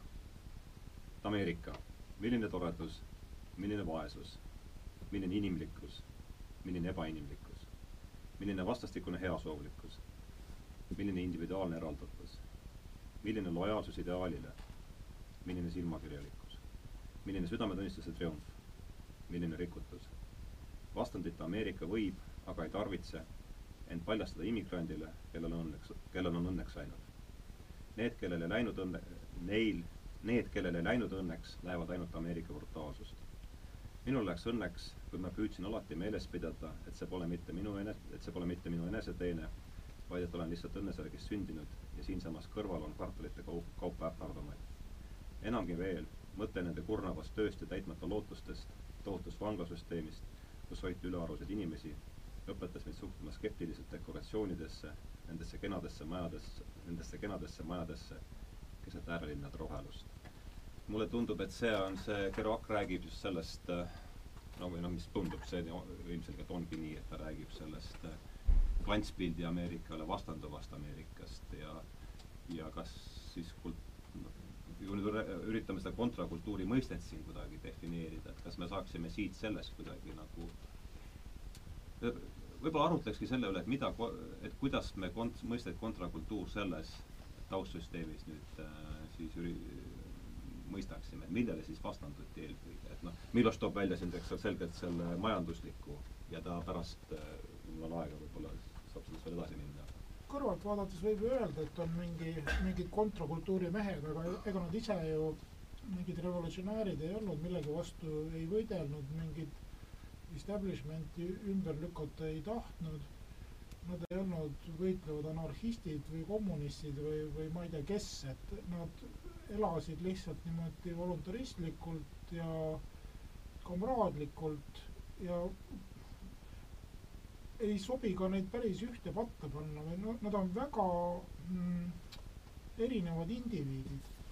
ja noh, nende hulka võiks ju veel panna, ütleme, Ferlinghetti on siiamaani elus ja, ja peab oma raamatupoodi, ma ei tea, kui vana ta on, tuhat üheksakümne vist ja noh, kui eriti kaugel ei ole ju sealt ka Richard Brotiga on, aga nad, nad ei tahagi ühe mütsi all olla või kuhu sa paned Bukovski näiteks mm. Või, et seal on väga erinevaid tegelasi ja noh, võiks ju öelda, et kõik on mingil moel nagu kontrakultuuri osad. Ja eks nad on mingist noh, Bukovski näiteks kirjutanud niisugusesse alternatiivajakirjandusse lugusid mm,, esimene raamat uh, Tales of a Dirty Old Man Notes of a Dirty Old Man ongi ajalehe sabade kogumik. Ja noh, siis ilmus tohutul hulgal sellist alternatiiv ajakirjandust väikestes tiraažides, kus kõik on, eks ole, käsitsi tehtud, noh, nüüd on pildiline pool meenutab natukene siin meie seitsmekümnendate aastate nooruses tehti ka selliseid illustratsioone, kus on no niisugused hipilikus stiilis et võib jah ju panna sildi külge, et see on kontrakultuur, aga ma ei tea, kas nad, nad, nad ei, ei võidelnud ju kellegagi. mis kontrad nad siis nii väga olid? Nad lihtsalt, neid ei kottinud see, see establishment eriti, nad püüdsid selle kõrval olla omamoodi. no ja raamatus ju kuskilt seda teist poolt, mille vastu nad võiksid protestida, välja ei paista ju et siin, kui nii-öelda elamiseks läheb, siis on ikka enam-vähem kuskil välja arvatud see Chicago kuutides. kus ma kõvasti naersin, see Chicago parun, kelle Cadillac'irat pidi ma ei tea, kus kuradi kohast Chicagosse viima ja kes pärast oma auto, kelle automehaanik seda autot pärast ära ei tundnud. jah, aga noh, see oli niisama möödaminnes. see oli möödaminnes jah, et seda, mille, mille vastu nad võitlevad, et seda ei ole kuskilt paista, see Ameerika on tõesti see ühekorruseline. Et kõrgemale nad ei lähe ja, ja vaat kõige ilusamad kohad on ikkagi see, kui kuhugi tuisatakse jälle looduses, eks ju. nagu sa paigale jääd, nii sul raha pole, elad kuskil lobutikus ja mitmekesi Mhm. toas ja teine mees on oma naisega, sina pead seal ka läbi akna käima kuskil jah, oma, oma nurga leidma, et ega seal sellesse suhtutakse nagu noh, hoogsalt, mitte huumoriga võib-olla alati, nii nagu juba sellel Henry Milleril tuleb siis humoorikas lõputu seks, aga aga siin, siin on asi ikka veel nagu tõsisem, tõsisem ja tegelikult on see ju niisugune viletsus ja nagu Maksim Gorki vilet, viletsuse maailm, eks ju. aga noh, seda sellele ei eksponeerita, nad nagu on sellest üle või lähevad sellest läbi ja proovivad sellele mitte tähelepanu pöörata. no muud reaalsust ei tea, kui sa satud miljonäri kodust äh, viletsusse, siis on viletsus, aga kui sa seal oled üles kasvanud, olnud hommikunikas, siis see ongi see reaalsus, siis ei oskagi kurta väga. nojah, ja vaata, mulle tundub, et no see, seda eeldusel, jah. kui televiisorit ei ole, see teeb meil siin asja vähemalt hästi. et vaata, kui mõelda hipide peale, siis hipid olid ikkagi olulises osas tulid just nimelt selliste noh, miljonäri korteritest. seda küll jah, nemad, nemad olid millegi vastu oma Jah. keerasid selja, et. Et selles mõttes nagu siis on pigem väikekodaniku Establishment'i sisene mäss pigem, eks ole, Mhm. hipide puhul ja just võib-olla siin on tõesti jah. need äh, juured ja establishment'i laste, mis mingil määral võib-olla isegi jätkub praegu, eks ole, see no jah, las, las ta jääda peale see teema, aga jah, et jah, et kui sa siin e e eelnevalt oli meil juttu, eks beatnikute ja hipide vahel, et siis see ma ei välista, et ka Nõukogude hipide hulgas oli neid, kes tulid nomenklatuursete vanemate kodudest ja kes ka tahtsid mingit või jah, et, et see on võiks nimesidki nimetada, aga ei hakka nimetama. ahhaa, no nimetage. aga jah, et nad olid lihtsalt ähm, Nad ei elanud, eks ju, see on nagu, selle me peame juurde mõtlema, et äh, see ei olnud kogu Ameerika, et nemad ei elanud seda stiili, mis oli üldiselt nagu heaks kiidetud, noh, mis oli nagu normipärane. tähendab, see jääb ikkagi ridade taha ja küllap kirjutaja ise seda nagu teadis no,. hulkujaid on alati olnud, Jack. London hulkus ka Jah. veel palju aega varem. et see käib kuidagi niisuguse kirjanikuks kasvamise juurde, et mingi hulkumise periood võib olla. noh, Jaan Oks tõmbas ka ringi kuskil Kaukaasias. Jaan Oksa elu oli ka kurb, aga teda võib ka kirjutada heroiliseks, eks ju, nagu on ju tehtudki Jah. juba, nii et siin ei ole. ja, ja just nagu need ilusamad, vaata ma rääkisin, nagu asi jääb paigale. nagu peab kuskil paigal olema, raha teenima kuskil politseinikuna või ma ei tea kellelegi, siis muutub asi kuidagi nukraks, sellest tuleb varsti välja saada, aga tuleb liikuda, tuisata ringi. ja vot siin on just väga tähtis see Ameerika see noh, see ruum või see loodus ka, mis on ju kohutavalt mitmekesine, eks ju. kui hakkad sealt äh, ida poolt lääne poole minema, kõik need vööndid vahu- Jah., vahelduvad ja, ja kui, kui me nüüd võrdlesime seda raamatut filmiga, selle ekra- ekraniseeringuga, siis vaat seda momenti, selliseid asju, selliseid loodus, loodusekstaase, mis esinevad siin Kerouaki raamatus ju hästi lühidalt, aga need on kõik need kohad on täis, seda, seda, see nagu filmi ei jõua, eks ju, filmis on on, on lugu ja on need inimesed, aga, aga see nii-öelda looduse hääl, ütleme, kuidas sa sellist lauset pane ja siis nägin ma esimest korda armsat suvises leitsakus madalaks kujunud Mississippi jõge, mis lõhnas võimsalt nagu Ameerika elusihu, mida ta pesi endaga ühes kandis. selliseid, selliseid momente on siin ju, ma magasin samuti, tegin siis väikese jalutuskäigu piki üksikust laternast valgustatud telliskiviseina ääri, voogav preeria paistmas igakitsa tänava vahel lõpus, see mais lõhnamas öös nagu kaste. no vot see poeetiline kirjaniku käsi, kirjaniku sõna, eks ju, seda filmis, filmis seda, filmi saab seda kindlasti ka kuidagi noh, nagu üle kanda, aga seda sellest Läheb lähedaks, need, need asjad Jah. ei, ei transformeeru. aga siin on hea äh, niisugune näide sellest Kerouaki paradoksist, ta tundub nii elulähedane ja samas ta on ju piiritu romantik. ta on ületavalt romantiline. no ongi vaga mees ja see perekondlike sidet, sidete, sidemete tugevus, millel siin sai juba, eks ju, osu-, osutatud. Tegelikult mõnes mõttes ju see, kui sul on hästi tugev perekond ja temal noh, ütleme oli see tädi, kelle ta raha saatis siin, siin romaanis tähendab, mitte Jah. Kerouakile, et siin romaani peategelasel, mina jutustajal. siis mõnes mõttes sinu vabaduse piirid ju määrab ära see perekondlike või sisetõmbejõudude tugevus. kui, kui see on hästi tugev, siis sa võid proovida, tead nagu selle kummipaela, kui kaugele läheb, sa tuled ikka tagasi. ja Kerouac või ütleme, selles romaanis ei minda ju noh, ei minda ära, jäädakse Ameerikasse, käiakse seal teisel pool Denver, eks ju, muutub kultuskohaks see Denveri linn Colorados. ja tullakse jälle tagasi, on teada, et see noh, jõud koju või mingisuguse omade juurde see on, see on niivõrd tugev, et siis võib proovida, vabadust võib proovida, see on selge, et sa noh, nagu ei, ei hälbi ära kuhugi või. mis käiks ka terve ühiskonna kohta, et kui ühiskonnal on mingi tuum, sa räägid ka perekonnast, eks ju, selle ja, ja. no mingit pidi võib võtta aga sama loogika võib tõsta ka kogu ühiskonna tasandil, et kui sul mingi tuum on, mille ümber sa, on vähemasti mingi tuum, mille ümber hälbida, tagasi tulla, et see no just, me võime siin näiteks võtta kas või eestlaste eneseirooniagi, mis loodetavasti ei kao ja lähemal ajal, kui sa oled piisavalt tugev oma tuumas ja tead noh, nii-öelda enese teadeb, siis sa võid enese üle nalja teha. Nad võtavad Ameerikat kui, kui oma suurt kodu, noh nagu kodu Nõukogude Liit umbes. jaa, Širakas, Strannamaja, Jaa. Ratnaja. aga, aga seal on see, ei ole mitte ülevalt poolt Ne-, Peale pandud, eks ju, ideoloogia. hoolitsema, nad Jah. on sellised kodutud, kelle kodu on nende kodumaa. jah, aga samas on ka see tädi seal kuskil. jah, see on ka ja, ja siis lähedased, kamraadid, Kamraadid. inimesed, kallimad. Aga see on huvitav, et kui ma Jaaniga rääkisime selle esimest korda telefonis selle saate, siis ma pakkusin ju välja su- sulle kõigepealt, et räägiks Mr Sumneri planeedist, mida ma olin lugenud ja mis oli nagu minupoolne initsiatiiv.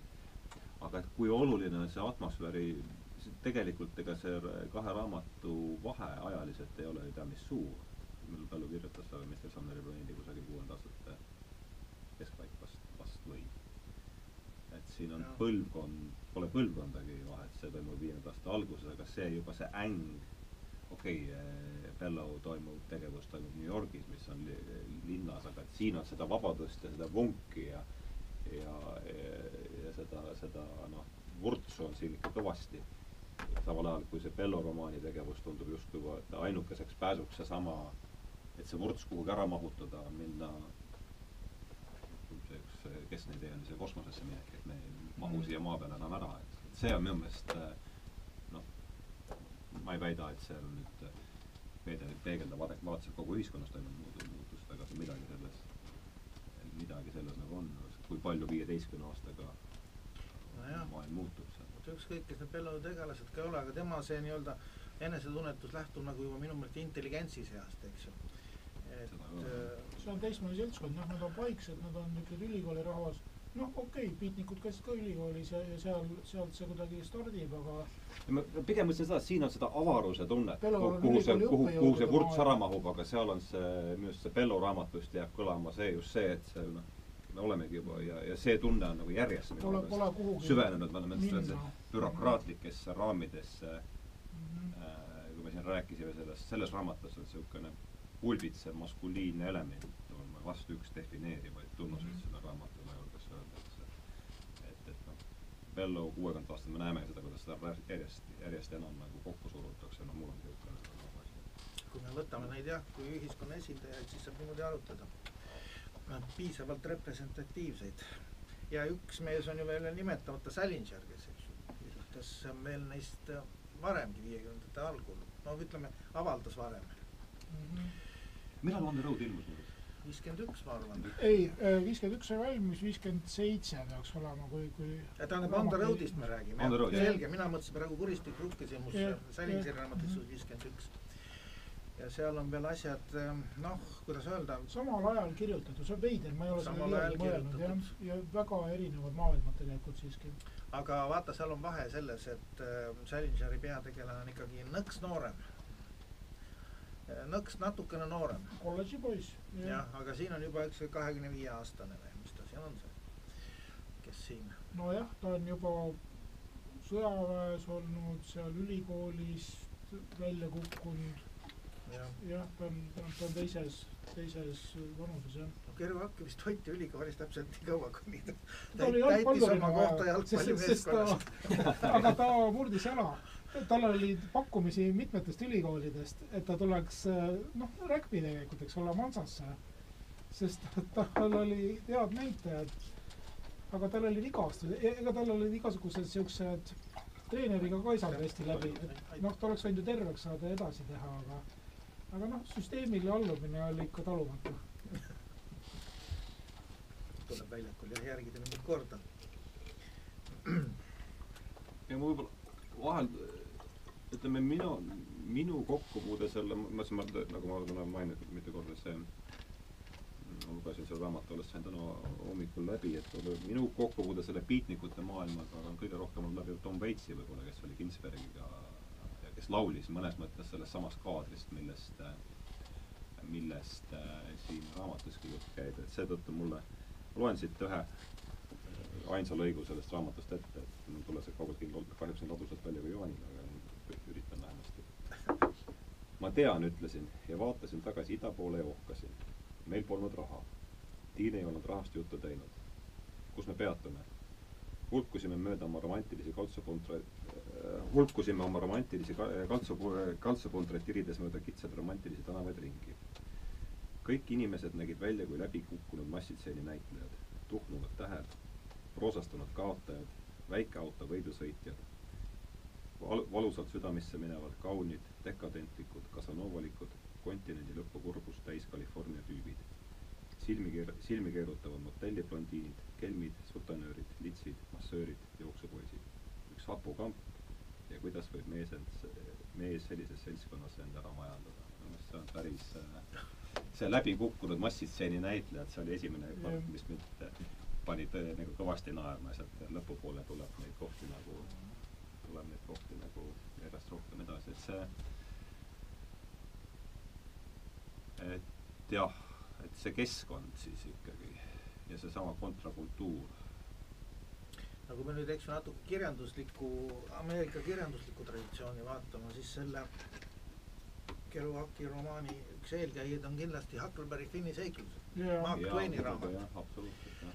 Seal on see Vabaduse tee siis see Mississippi jõgi, nad hakkavad ülevalt poolt siis alla sõitma kuni siis New Orleansini vist jõuavad välja või, peaaegu. aga hakkavad sealt ülevalt tulema ja seal on, eks ju, jõgi, suur jõgi, kus ei ole iialgi mingeid takistusi, noh, laevad sõidavad mööda. aga, aga see on nagu selline põhjast lõunasse Vabaduse tee, eks ju, see Mississippi jõgi. siin raamatus on läänest idast lääne poole. aga tuletame meelde veel, mis, mis kümnendisse me paneme nüüd äh, Huckleberry Finni? no millal ta kirjutas, kas tuhat kaheksasada seitsekümmend kuus või ähm, või seitsekümmend kolm või millal, millal ta ilmus, ma ei mäletagi täpselt. noh, ta eilsel ajastul. aga see kajastab muidugi tema noh, varasemate aastakümnete elamusi, kui ta ise Mississippi ääres oli. Mark Twaini ma mõtlen siis. et äh, vot selline, seal on ju tegu, on siis, ei tohi küll öelda, aga ühe Huckleberry Finni ja põgenenud neegriga, kes siis Marveliga orjuse teema on seal tugev ja aktuaalne. mida teha, ühe korralik No ühiskonna kuule, see kodanik peab neegri üles andma. tegi isegi draamas lavastuse neegri vabastamine kunstiliselt kõrgel tasemel. et noh, Tom Sawyeris, eks ju, varasemas äh, Mark Twaini raamatus on sellist põgenemist nagu väiksemas mastaabis, poisid lähevad lihtsalt Mississippi saarele mereröövleid mängima, aga Huckleberry Finn on siis juba selline vabam mees, tema on ju ka jotapoeg, nii nagu on siin see, mis see on see Moriarty, jah, joodiku poeg ja selles mõttes ta, temal on ka tädi, tädi Poi-, noh, see Tom Sawyeri tädi Polly ju- või ei, või oli temal nüüd tädi Sally, ehk tädi Polly oli Tom Sawyeri tädi Jah.. aga vot see tädi kuju, sellise noh, heidiku, maailma heidiku ja, ja, ja, ja, siis on ke-, ke-, mingid tädid, kes teda nagu seovad ja tagasi jälle proovivad koju tõmmata ja tuleb hea meelega, paneb puhtad riided selga ja siis viskab jälle nurka tubakas suhu ja jälle minema. et see, seesama tüüp on ju Huckleberry Mm. Finni romaanis täitsa, täitsa olemas. ja mm, ma hakkasin nüüd mõtlema, et mingil määral, mingil määral ju seda tüüpi reise Eesti piires on, võib ju leida, eks ju, Mati Undi loomingust. ja temal on ka selline teeloleku tunne mõnes, mõnes kohas on ju väga, väga tugev, kui sa võtad ka kasvõi tema Tühi ranna noh, Tühi rand, see on üks koht, eks ju, kus toimub see nii-öelda armudraama, aga sellest pääsemine on see, et sa paned minema, sõidad seal kuskil Viljandi kaudu Tartusse või niimoodi noh, teeloleku tunne. ja noh, sina ise, Peeter, eks ju, sellest me alustasime, et sa Kerouaci tõlkides ju kujundasid ennast, et sa oled, sa oled tegelikult üks, osalt üks sama, sama, sama mees meie kirjanduses ja mis siin ma ei ole nii osanud mõelda, aga, aga noh, kui see on imponeerinud, siis kü-, küllap seal midagi on, on siis see element on sinus ka, eks ju. võib-olla. et ikka istud, võtad motika ette ja istud selga ja paned minema. see on tore olnud, jah. sa liigud motikaga? Oh, mul on nüüd pikk vahe olnud. saabas ei mahu jalga, mul on ainult poistes, aga kui, kui poistetus alla läheb, siis äh, tahaks sõita edasi, jah, tsikkel ootab see, kui me siia sõites äh, taksos rääkisime, siis käis läbi, et äh, mingi hüpotees või sihuke, ma saan aru, see ei ole kui, kui lõpuni kontrollitud see fakt, et Allikson olevat üritanud äh, seda seda jah, Vahur saatis mulle kirjakese, et tema oli lugenud seda, see on siis Margit, oot ma vaatan järele, ma ei ütleks, ütleks valesti. Mm. Margit Mõistliku raamat Artur Alliksaare elust, seal on kirjas siis, et Alliksaar oli kuuekümne viiendal aastal tõlkinud On the Road'i, aga täpsemalt ma ei tea, kui palju ta tõlkis või kas, kas seda tõlget või teksti on, ma väga tahaks seda näha küll, kui see kuskil on. Päris kõnekas või huvitav. püsimatu Alliksaar, talle võiks väga hästi see tekst sobida tasub otsida. jah, kui me siin eelmises saates rääkisime Jaanus Rohumaa ja Mikkel Mutiga Võlumäest, et ikkagi selle Neil äh,, Neil Cassidy või siis äh, selle hakkab äh, Dean Moriarty tegelaskuju juurde tagasi. Ja ma arvan, et huvitav oligi see, et kui me, võib-olla selles on ka mingi ajastu selline märk, et kui me nüüd Võlumäest siin ka rääkisime ligi poolteist tundi, siis ma arvan, tegelaskuju, kellest me kõige rohkem võib-olla ajaliselt rääkisime, oli ikkagi seesama Mihhail Peeterkorn. Äh, ja, ja kui ma lugesin äh, seda Teel, siis, äh, siis noh, minu esimene reaktsioon oli see, et ikkagi Dean Moriarty on, on reinkarneerunud Mihhail Peeterkorn Ameerikas, et noh, seesama, seesama arhetüüp, see, seesama noh ütleme, Mihhail Cassidy väi-, Cassidy on küll artikuleeritum, aga seesama noh, ürg, ürgne jõud ja ja seesama maskuliinsus, ligitõmbav ja samas noh, paljusid ka eemale tõukav. ma ei tea, mis ja, Jaan, sinu jaoks on ma arvan, et ma arvan, et see on õige, õige seos. ma ei tea, kas ma palju lisada oskan, aga jah, tõstab mees käes ja käe ja näitab, näe, kotkad lendavad inimesed vaatavadki ja jäävadki vaatama millegipärast. et äh, selliseid kujusid, kui me oma näiteks nooremas eas just oleme kohanud, siis äh, need on ju jätnud meile kõigile sügava mulje. ja teist ikkagi on kohatud. Cassidy puhul on veel see moment, et ta oli ka ju selline wannabe kirjanik ja tassis kirjutusmasinat aeg-ajalt kaasas. Ja siis ütleme, teised kirjutasid, tema andis vungi ja teised kirjutasid siis äh, tema teosed või ütleme selle, mis, mis tema ja, oleks võinud kirjutada. ta ise kirjutas ühe päris hea, tema andis vungi, jah. jah, The First Third. Ja noh, aga see noh, ta, see tekstina kirjanduslikult tal on nagu vähe kirjutamispraktikat, et see, see ei jookse nii hästi tekstina, ta, ta kipub jääma natukene äh, tuimaks.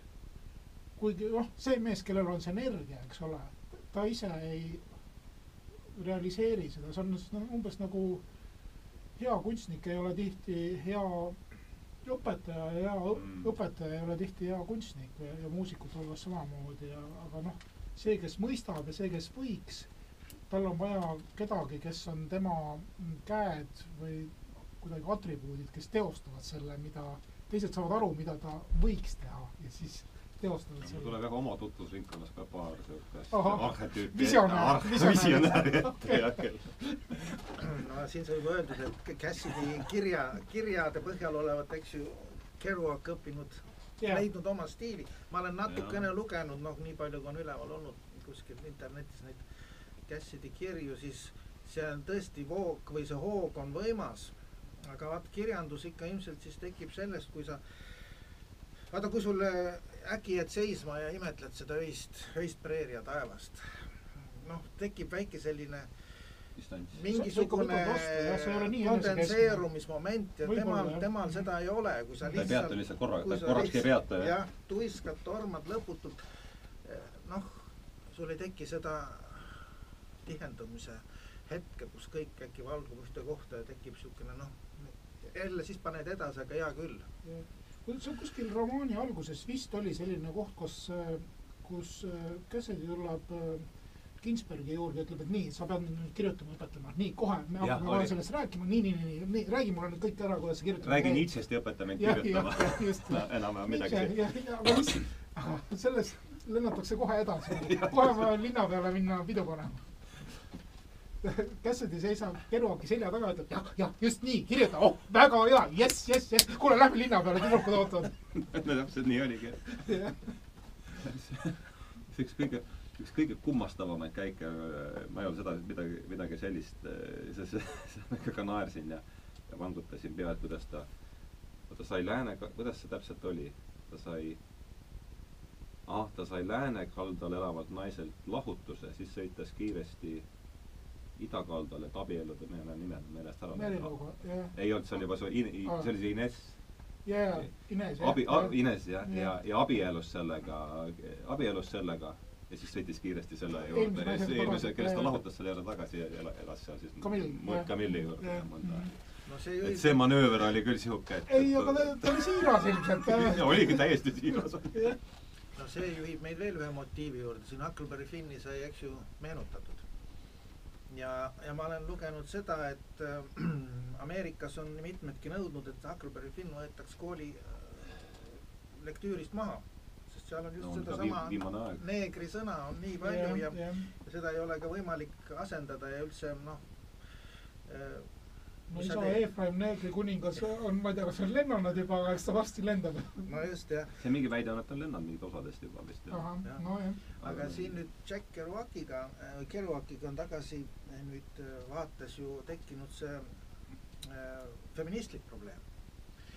et see on nagu antifeministlik kuidagi, naised ei saa, ei ole kuidagi nagu väga lugupidamist väärt siin, just nimelt ühte võetakse, teiste lük-, lükatakse. ei ole vist ehk ju ühtegi sellist, ühtegi sellist, kes võiks nagu olla, kehastada mingisugust midagi positiivset ka naisena, nad on lihtsalt niivõrd fragmentaarsed või niivõrd äh, lühiajalised. et, et siin on tekkinud nüüd tagasivaates lugeja vastuvõtus probleem, mida omal ajal ei olnud ilmselt. katoliiklane peab naistest nii palju lugu, et ta ei pääsegi neile nagu ligi või nende hinge mõistma üldse. ta ei jõua sinna. noh, Kerouac on nagu munk, eks ole, ta on, ta on, elab äh, pühamehena mingis vaimses maailmas sfäärides. ta Jah. küll kolm korda abiellub, aga, aga need abielud on lühikesed. lühiajalised jah. ja eks muidugi viin vist mängis ka oma osa, alkohol see mida edasi, seda rohkem, jah. jah. olengi mõelnud, et kui ise reaalselt elaks kaasa selle seikluse, mis siin selles raamatus toimub. Kas see oleks ei, kuidas see oleks, oleks ta meeldiv, igav, jube, vastik või mis ta võiks olla? no seda me ei tea, sest me loeme raamatut ja raamatuna see on ju, eks ju, hea, see on raamat. Mhm. aga noh, juba kord sai siin ka see välja öeldud, et see osa, osalt oli see ikkagi selline üsna, üsna nigel olelemine. kindlasti seal oli palju molutamist ja virelemist ja nälgimist ja raamat on võib-olla see, mis, mis tahaks, et äh, see hulkumine oleks. see, et ta on elulähedane nagu kirjanduses tihti, on näiline, see on kirjandus. no kui selle pilguga vaadata, siis ma, ma ei tea, minule ei jää- jäänud sealt meelde selliseid äh, pohmellikirjandusi eriti, et ja no seal neil polnud rahagi, et noh, ühes korra, kohas ostavad pardiviskit, mis on vist, kas on neli pool liitrit või palju see on, see juuakse kamba peale ära, noh, ma ei tea, palju siin praegu nahistatakse tunduvalt suuremaid koguseid ilmselt. ah, sa mõtlesid, see sinu tõlgendus on selline. kui sa oled nii liikuv ja nii vaene, siis ähm, jah, see pohmelus läheb kiirelt üle ja ilmselt tõesti äh, Keru Akk vist mulle tundub, et nagu käiski selles suhtes alla siis, kui ta järsku üks päev oli saanud rikkaks. siis ta sai kõike osta, juua ja siis no ta, ta väga rikkaks ei saanud, ta sai ikkagi pärast surma ja võib-olla surm mingit pidi ta jälle päästis mandumisest, et muidu oleks asi veel hullem olnud, sest äh, praegu jageletakse siiamaani veel nüüd on rahasid äh, päris palju, ütleme tagantjärele nende asjade eest tulnud. noh, seesama käsikiri müüdi maha midagi üle kahe miljoni dollari.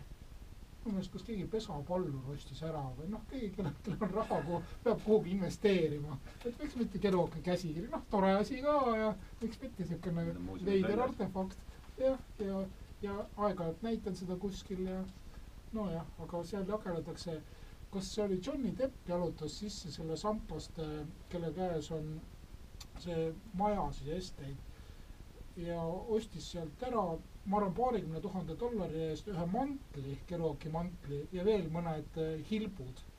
noh, ja siis hiljem äh, siis äh, sugulased jagelesid, et noh, kellele need asjad üldse kuuluvad ja kuivõrd Depp oli maksnud, eks ole, päris korralikku raha siis nojah, et ke, kelle raha see ikkagi on.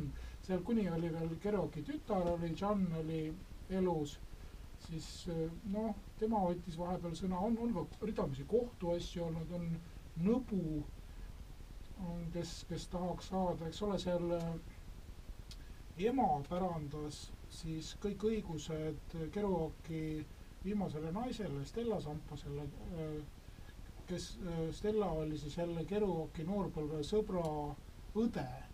et noh, siis niisugune lapsepõlve noh, kes ilmselt siis noorel Kerouacil oli üks niisugune, keda ta piidles, siis ta selle sai siis lõpuks kätte, aga see oli talle rohkem nagu ema eest või, või Kerouacist väga nagu niisugust kauboid enam ei olnud. ta istus passis baarides mingi noh, uusi semusid, aga tal ei tekkinud enam semusid. ta, ta oli niisugune üksildane ja Stella siis katseldas seda ja Kerouaci ema pärandas Stellale ja siis Stella omakorda sellele oma, tal on palju lähisugulasi, niisugune Kreeka suguvõsa. aga ilma jäid noh, Kerouaci tütar ja seal, seal mõned teised, kes, aga noh, Kerouac oma muutliku meelega oli noh nagu kaalunud ka kord nii, kord naa, et kuhu need õigused lähevad. ja, ja siis ütleme, tema elu lõpuotsas ei, ei olnud seda rahakest seal nii palju jagada. see kõik, et see raha paisus suureks hiljem, nagu tihtipeale. ja siis tekkisid suured, et noh, on inimene, kes eriti rahast ei hooli ja kui natukene on, seda lööb laiaks ja kirjutab nagu hull. ja siis on teised inimesed, kelle elu seisneb selleks, et, et nüüd kuidagi seda raha ära jagada kohtutes, mis on selle mehe hullusest nagu kuidagi tekkinud ootamatult, et see on pentsik.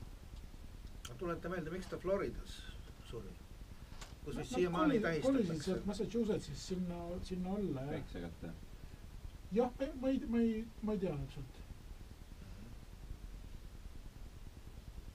aga ma saan aru, et seal tähistatakse siiamaani tema, igal aastal tema sünnipäeva. ahah, nojah. ühes kohas, mille, mille, mille nime ma ei mäleta. ma ei mäleta ka, jah. aga ütleme siit hilisemast, kui va vaadata veel ütleme samast vaimust äh, ja võib-olla meelelaadist ja tundelaadist kantud teoseid nüüd hilisemastest põlvkondadest, oskate tuua midagi ette? no eks see võib-olla meen-, meenub, meenub nagu üks ja teine selline road movie või film mm. -hmm. sedalaadi kirjandus on jah, see nii-öelda liikumisvahendid muutuvad, kui Maksim Gorki kirjutas paljasjalgseid kõndijaid, siis äh, siin sõidetakse rongidega, siis mõnes filmis sõidetakse mootorrattaga, eks ju, kuidas see, kuidas see ruumi markeerimine parajasti, parajasti käib. Aga see tüvi on, aga see tüvi on ikkagi see Odüsseia või? jah, aga, aga millegipärast ei ole äh, Kerouaki võimalik kopeerida või noh, sa-, samasugust asja nagu teha ei saa ja see on hea näitaja, et on, ta, ta tundub ju niivõrd lihtne, et siin nagu ei olekski mingit isikupära, aga ju siis tegelikult ikkagi on. et võiks ju noh, ütleme näiteks The Art of Zen and Motorcycle Maintenance, Pirsigi suurepärane ka niisugune läbi Ameerika sõitmisraamat, noh, võta Teekond Charlie'ga äh, Steinbecki, ka niisugune ulgume ringi koos koerakesega, vaatame Ameerikat, kuidas on, aga need on kõik teised, need, need on nende meeste nägu. et sama, sama asja niimoodi tunnetuslikult mina ei tea küll. siin on üks oluline moment on see, et elu on kogu aeg nagu kaalul tegelikult.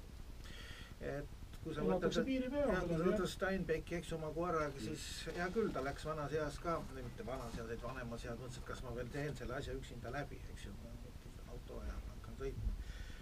aga siin on, mis on selle, mis nende beatnike puhul, just Kerouaki puhul kõige rohkem välja paistab, on see, et tegelikult jah ähm,, siin on nagu noh, piirsituatsioonide läheduses kogu aeg liigutakse. mitte lihtsalt ei reisita ja, ja, ja ei tehta kõike muud paha või reisil paha, aga vaid siin on ju kogu aeg enda proovile panek, et kas ma pean vastu või ei pea, eks. Noh, ma olen kuulnud ka seda, et kui ta ise näiteks oma raamatuid kirjutas, siis sellesama, mis on bensodriin või? Jah, selle, et siis ta ju ei maganud. Päevi, võib-olla nädalaid. kolme nädalaga sihuke valmis visata, see ikka tahab toksimist. juba tok-, juba puhtfüüsilist toksimist. nagu öeldigi, et see ei ole kirjutatud, see on on toksik. Typewriting, seda ütles Truman Capote, jah. et äh, nii, nii siin kui ka siis ütleme, selle- selle kirjutamisprotsess on kogu aeg äh, nagu enese piirile viimine. ja seda tõesti ju väga palju kujul ei ole. jaa, aga samas ütleme, ei närita üksteise kõrisid, ei lööda nugasid neerudesse eh,, ei pooda ennast ülesse, tegelikult elatakse kuidagi väga niimoodi noh, vagalt, nagu jutt oli.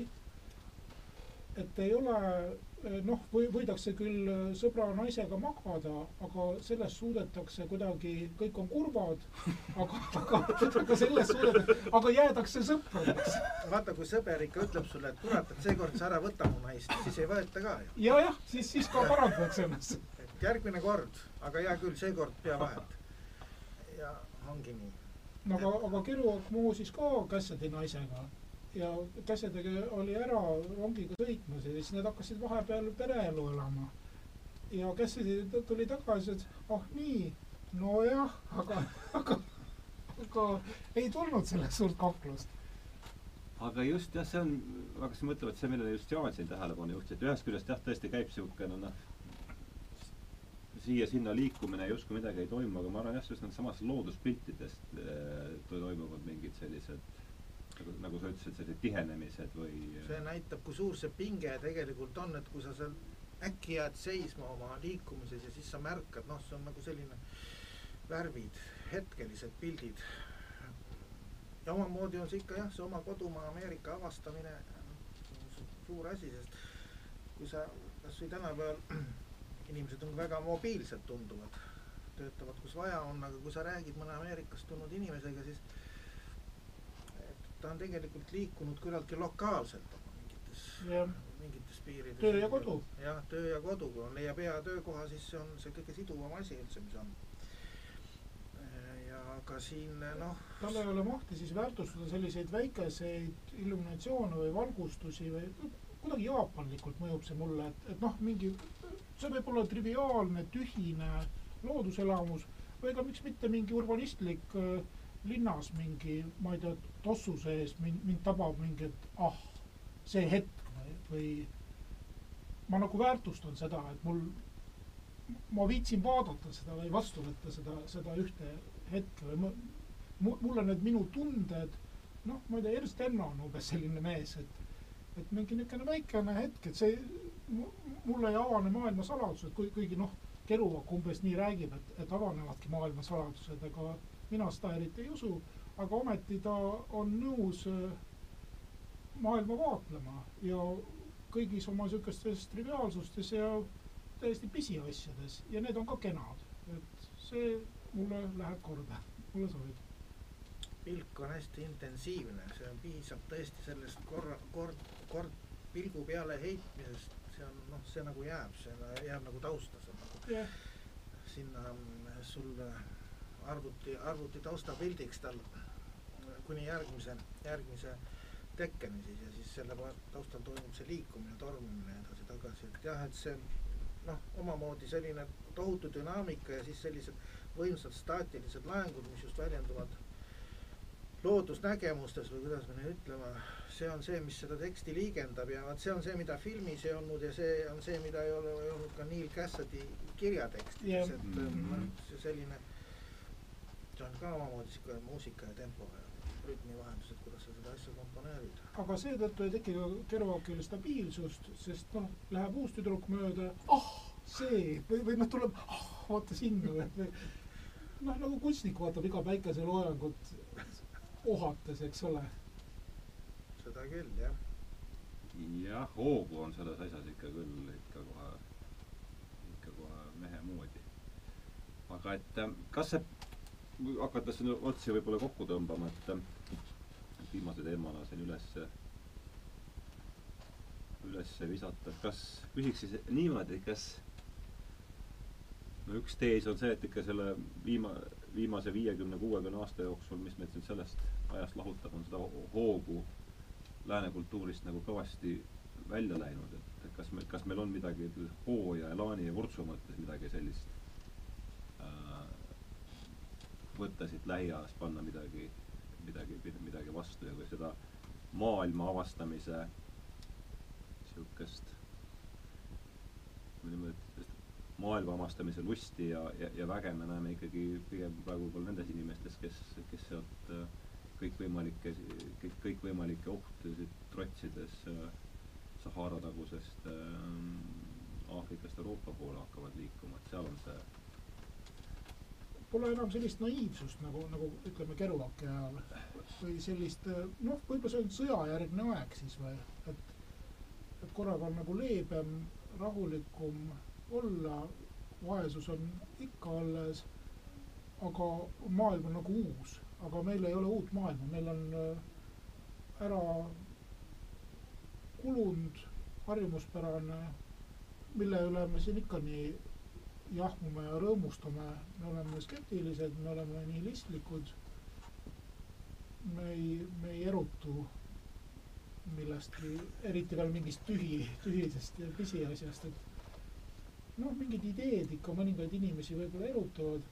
noh, sind erutab Jordan Peterson näiteks ja. Peterson erutab paljusid, et see on niisugune ideede sfäär võib siiski käivitada vahel kedagi noh, feminism erutab meil siin Eestis siin praegu siin Virginia Woolfi klubi. et noh, see on niisugune ideede tasandil, aga jah, ma ei tea, kas oleks sellist ühte autorit, kes äh, millestki tohutult laetuna teeks, teeks teksti. mul ei, mul ei karga pähe, kas sul, sul tuleb ette mõni selline sell? Ma mõtlesin küsimuse üle nõnda, et mis oleks see meie, kuhu meie peaksime tunglema või meie kas ikka ainult vaimus või on ka kuskil füüsiliselt veel minna, no meie islamimaailm jah, tuleb nagu siiapoole, et see on nende Tiit Pruuli ütles, et nüüd on ainult kuule võimalik veel reisida. no me ju- nüüd jõuame täpselt Samlerini, Samlerini jälle tagasi. jah, jah, kuulsa ja hea mutikaga ringi, skafander peas no ja vot jah, keeruline. jah, et jah, ei ma ei ole nii skeptiline nagu, nagu Peeter, aga siin on üks selline ohtlik moment sellistes arutlustes.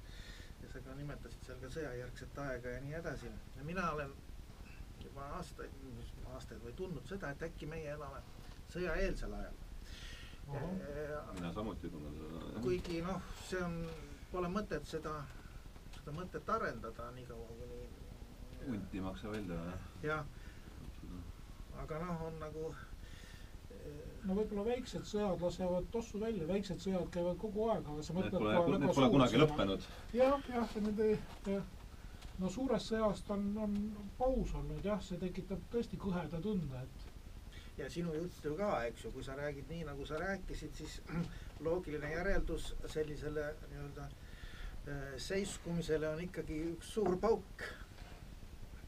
Tõnu kirjutas just sellest samast asjas oma selles Inglise aiaraamatus, et ega muidu asjad käima ei lähe, kui pauku ei tule. aga see pauk oleks ju väga kole teiselt poolt. loomulikult. seda mängida selle mõttega meeldib võib-olla paljudele, Ei, aga selle, selle paugu sisse ise sattuda sellega mängida ei tohigi ja, ja ma olen natuke pro- proovinud vaadata neid ka neid nagu järgmisi generatsioone. mulle tundub, et näiteks noh, sina oled küll ju kõva mees, aga et meie erilised head sõdurid ei ole. väga rebane, ma sõjaväes tegin Kalašnikovist ühe lasu ligi kahe aasta jooksul, nii et ma ei oskaks Kalašnikoviga ka midagi see peale üks ei läinud pihta. ei, see läks ka mööda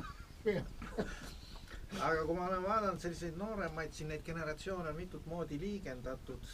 mõnikord on tekkinud selline mõte, et mingisugune äh, noh, teatud vanuses on teatud no ütleme hoolimatuse ja selline noh, nii-öelda piirisituatsioonidele lähem-, lähenemise tung on seal võib-olla suurem kui, kui, kui, kui, kui meis.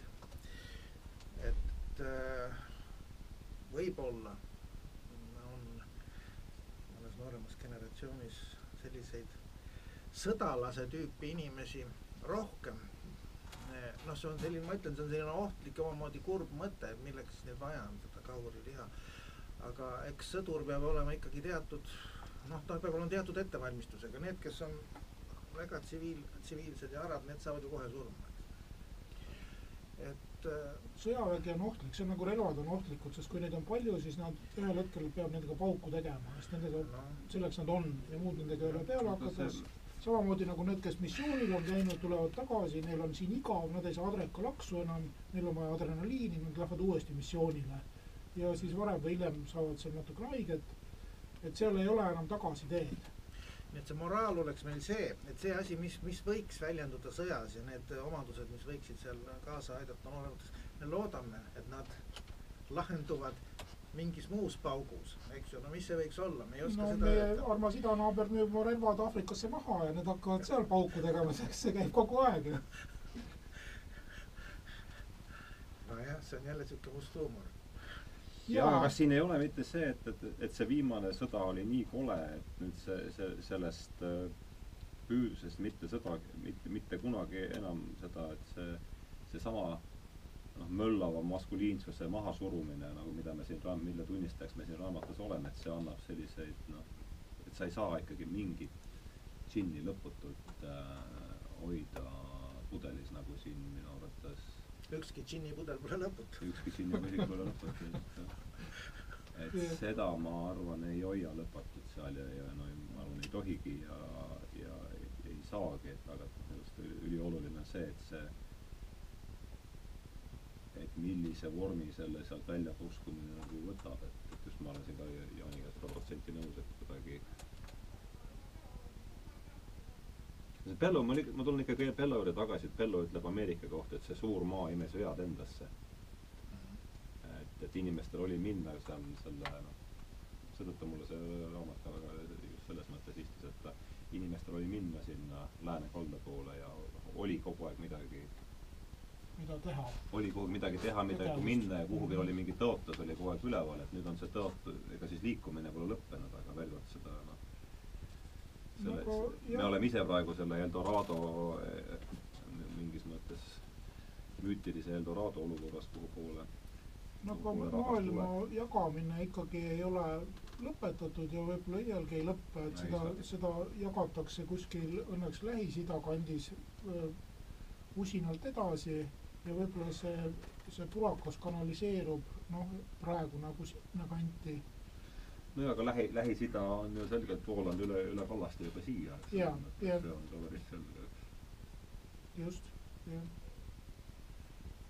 et no me ei tea, mis Hiina poolt, ütleme, Hiina ajab Aafrikas kõvasti majandusasju, et seal on ka tekkinud palju rahakest ja seal on ka tekkinud midagi, mis peab ka kuhugi realiseeruma või kuhugi väljapääsu leidma eks neid teemasid oleks ju küll ja veel, et, et see on nii segane ja keeruline lugu. jah, aga siis ma ei tea, hakkame siis otsi kokku tõmbama, et kuidas seda, kuidas seda jutule nüüd see pats peale siduda, et seda Keruaki värki ei saa tänapäeva kultuuriga üldse võrrelda, sest noh, see on umbes nagu hakkaks mingit paarsada aastat tagasi ilmunud raamatut praegusega, kui, kui vähe oli siis tekstitegijaid, autoreid, kui, kui palju siis oli lugejaid, praegu on tohutu kirju pilt, on, on paljusus, on ja eks on energiaga mehi ka küll ja veel ja naisi, aga noh, igasuguseid meediakanaleid tuleb juurde igasuguseid kunstitegemisvõimalusi, pannakse kunstitegemisviisid kokku, tehakse liikuvat pilti läbisegi mingite muude asjadega, et see on lihtsalt, me, meil ei ole ülevaadet mitte kellelgi. jah, mõned nimed nagu aeg-ajalt kerkivad pinnale ja on tähtsad, aga siis kaovad jälle ära, et see on, on paras puder ja kapsad kõik, et seal minul küll ülevaadet ei ole, ma ei tea, ma ei tea, kellel oleks või eks neid ülevaateid võib ju genereerida, aga, aga need on kõik puudulikud. Jaan, lõpetuseks midagi? ma mõtlen, et mida et mida öelda mm. noh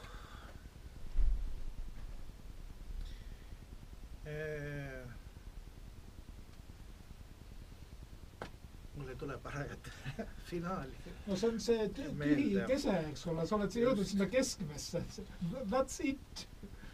sa oled tabanud nagu Cassidy tabas asja tuuma, sul on see käes. Äh, jah.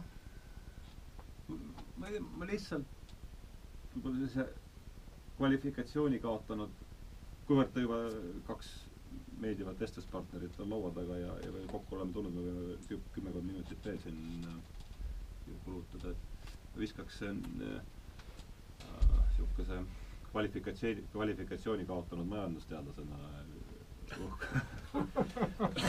Väga uhke, okei. Okay.. kui sa seda veel kord ütled, siis ma ei usu enam, okei. Okay.. olen olemas. et kui meil oli ütleme siis möödunud sajandi lõpus, see üürike aeg, mis meid siin äh, lahutas Berliini müüri langemisest, kuni siis ütleme, ütleme siis jah, sellest ajavahemikust, mis rahutas siin Berliini müüri langemisest kuni kaksiktornide lahe lang-, langemiseni oli meil selline, räägin läänel, äh, pealinnaga siis Washingtonis, idee, et noh, me teeme sellest äh, pallist ühtse sellise kapitalistliku maailmavabariigi, kus siis noh, toimub kaubavahet, piirid ja kaubad ja kapital saavad liikuda äh, vabalt ja, ja see, ja see suur, noh, see lõppsadam või see, mis see Kristusest päritud niisugune esatoloogiline lõpp-punkt on see, et kui me siin niimoodi noh, üksteisega vabalt kaupleme, siis pikas perspektiivis saame kõik rikkaks ja, ja vabaks ja, ja, ja ühesugusteks. on jälgitav siiani, see on see majandus, majandusteadlased nimetavad siis konvergentsi teooriaks või ühtesulamise teooriaks, aga ma arvan, et see kaks tuhat üks oli võib-olla selline pöördepunkt, kus kus see üleilmastumise loogika muutus. et meie oletus oli kogu aeg see, et, et kaubad liiguvad ja kapital liigub ja inimesed jäävad paigale. aga nüüd ma arvan, et see üleilmastumise, üle, üle, üleilmastumise loogika on muutunud seeläbi, et noh, pigem mida aeg edasi, seda rohkem hakkab tulema kaupadel ja kapitalil piiranguid, on Trumpi äh,, Trumpi sammud, eks, ja, ja liikvele on läinud äh, inimesed ja mis tähendab seda, et minu meelest selles kontekstis oli see kõige läbinägelikum, vist üheksakümmend neli kirjutas Robert Kagan oli vist ta nimi, võib-olla on noh, hästi. Ei ole, aga, aga see artikkel oli, pealkiri kandis jah, et kaose, kaose küllatulek vist oli see.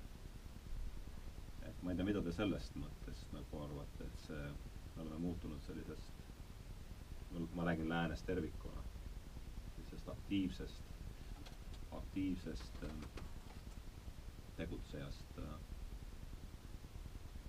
passiivseks sihtpunktiks, ma ei tea, kõige selle, kuidas, võib-olla sellega siis võikski lõpetada.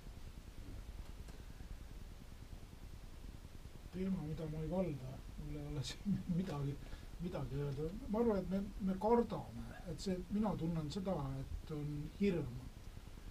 võib-olla kardame natuke erinevaid asju ja äh, hirm ei pruugi alati olla halb ütleme, kui ma tsikliga sõidan, siis väike annus hirmu on hea, see teeb ettevaatlikuks. suur hirm on kramp, siis ma ei ole enam vaba. et aga mm. kuidas oma hirmu doseerida, see on keeruline ülesanne ja kuidas karta õigeid, õigeid asju, jah, et me teaksime, see on nagu jah, see, et ära küsi küsimust, kui sa ei taha pärast kuulda vastust, et kui, kui me oma tondi ära näeme, nojah ma ei tea, kas me oleme näinud oma, oma tonti juba piisavalt selgelt. kui see asi jah projitseerida siin nii-öelda Eesti tasandile, siis ikkagi me oleme selle küsimuse juurde juba mitu korda täna välja jõudnud, et kuhu suunata see autentne potentsiaalne võimas energia, mis, mis meil, mis meil on. et ähm,. mis meil siiamaani olemas on oh,. jah, kuigi ma olen Peetriga, ma ei taha olla selline skeptik või pessimist, kes ütleb, nüüd on asjad niimoodi läinud, varem oli nii.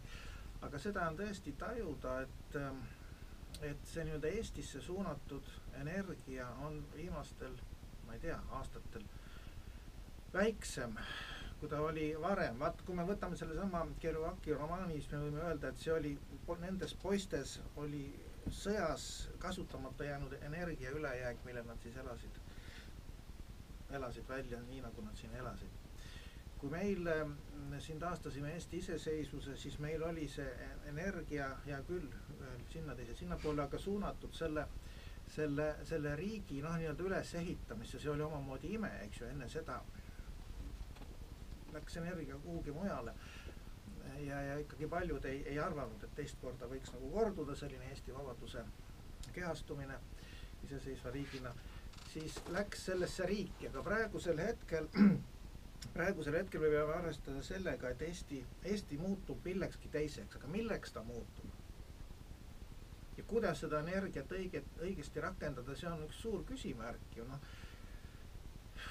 midagi, midagi muutub, no me oleme harjunud sellega, et me püsime, sest me, meil, me oleme siin kohal, eestlased on kohal siin maal, see on üks püsiv, isegi kui nad on passiivsed, isegi kui nad on alla surutud, siis, siis see asi nagu püsib. praegu nagu enam sellele hästi panust teha ei saa. sest noh, eestlastel on ju ka ikka, ütleme eestlastel siis selle kõigi nende kohta, kes on lojaalsed Eesti riigile, ega ma ei vaata siin rassi.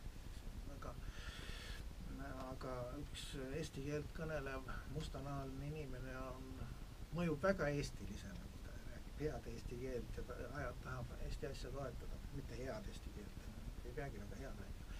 aga küsimus nüüd ongi selles, et et milliseks see Eesti võiks muutuda, ta on te tegelikult ilmselt saab olema hoopis teistsugune, kui me oleme harjunud. aga kuidas me saaksime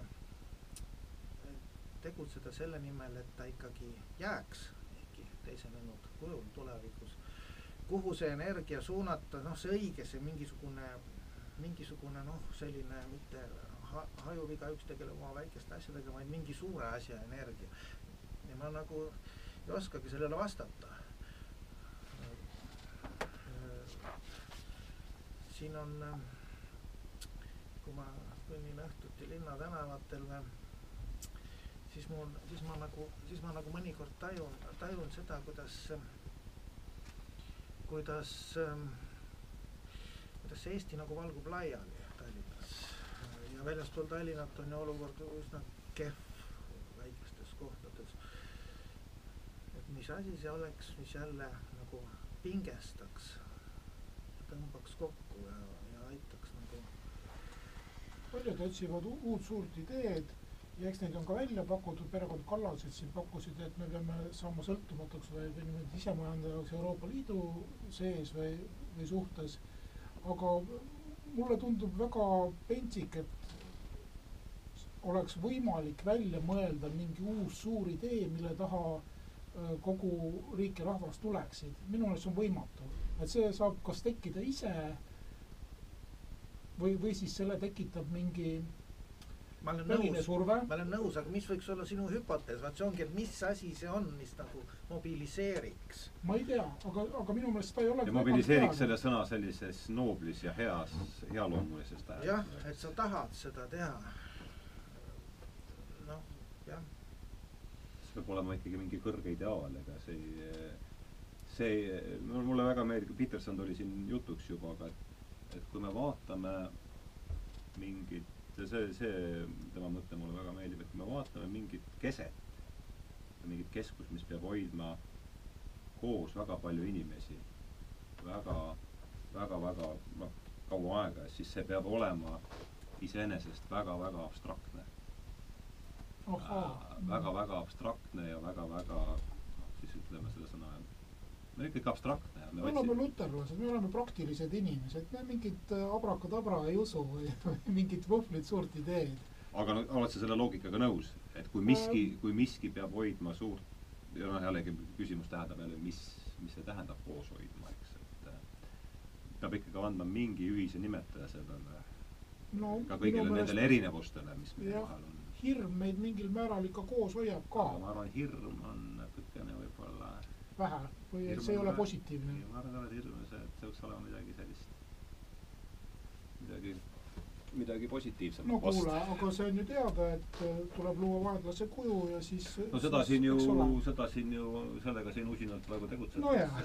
et äh, Pa- paremat esialgu riiulilt ei paista. enne oli Kesk, nüüd on EKRE, eks noh, ega see kostüümid on vahetunud, jutt on ju sama põhimõtteliselt. üsnagi. et, et ega siin selles mõttes noh. aga, aga noh, ma ikkagi, kui, kui, kui Jaan räägib siin sellest, et asi on nagu laiali valgunud, et siis ma arvan, et valgumas. või valgumas ütleme, ma tajun seda, et mingisugused äh, laialitõmbejõud või ha- hajumisjõud, jõud on nagu tugev, tugevam, kui ta oli mõne aja see ei ole jällegi, ma arvan, et see peegeldab lihtsalt, see on, meie seal peegeldame siin oma selles väikses piisas äh, lihtsalt aimame ära seda, mis toimub, ma arvan, võib-olla lääne pool veel kiiremini. Iirimaalt valgusid targad meie siin piiri peal, meid hoiab veel midagi kokku, aga mul niisugune tunne, et seal ei hoia, ma ei tea, eks, aga mul sealsed et ei midagi, et Iirimaalt lasti jalga siis, kui seal läks majanduslikult kehvasti ja aga kui hakkas paremini minema, siis tulid programmeerijad Ameerikast tagasi ja et kui, kui meil hakkaks siin ootamatult äh, majanduslikult hästi minema, siis äh, see olekski. nojah, vot sellise kvali-, aga, aga seda ei saa kuskilt kübarast äh, jänesena välja tõmmata. kvalifikatsiooni kaotanud ökonomistina ma ei arva, et see, et majanduslikud põhjused nüüd võib-olla siin need ei olegi, noh, kas, kas olema Luksemburg vajab mingit suurt ideed või? ei vaja, neil on niigi kõik okei okay.. või Šveits, mis mis suur idee seal on? äkki on just viletsuse suurenemine, suurenemine üks neid suuri ideid, mis no seda ei olegi nii keeruline saavutada. ma elangi täielikus viletsuses, aga sa oled truu. see hoiab käimas. kuule, aga selles, selles posit-, selles positi-, sellel positiivsel noodil tõmbamegi, tõmbamegi joone alla ja, ja me oleme siin kaks tundi, kaks tundi minu meelest, minul ei olnud küll hetkeks igav. ma loodan teil ka mitte ja ja tuletame siis meelde, et see oli üheteistkümnes saade sarjast Tähenduse teejuhid ja rääkisime täna Jack Kerouaci raamatust Teel ja staadi-, saatekülalisteks olid siis kirjanik Peeter Sauter, kirjandusteadlane akadeemik Jan Undus ja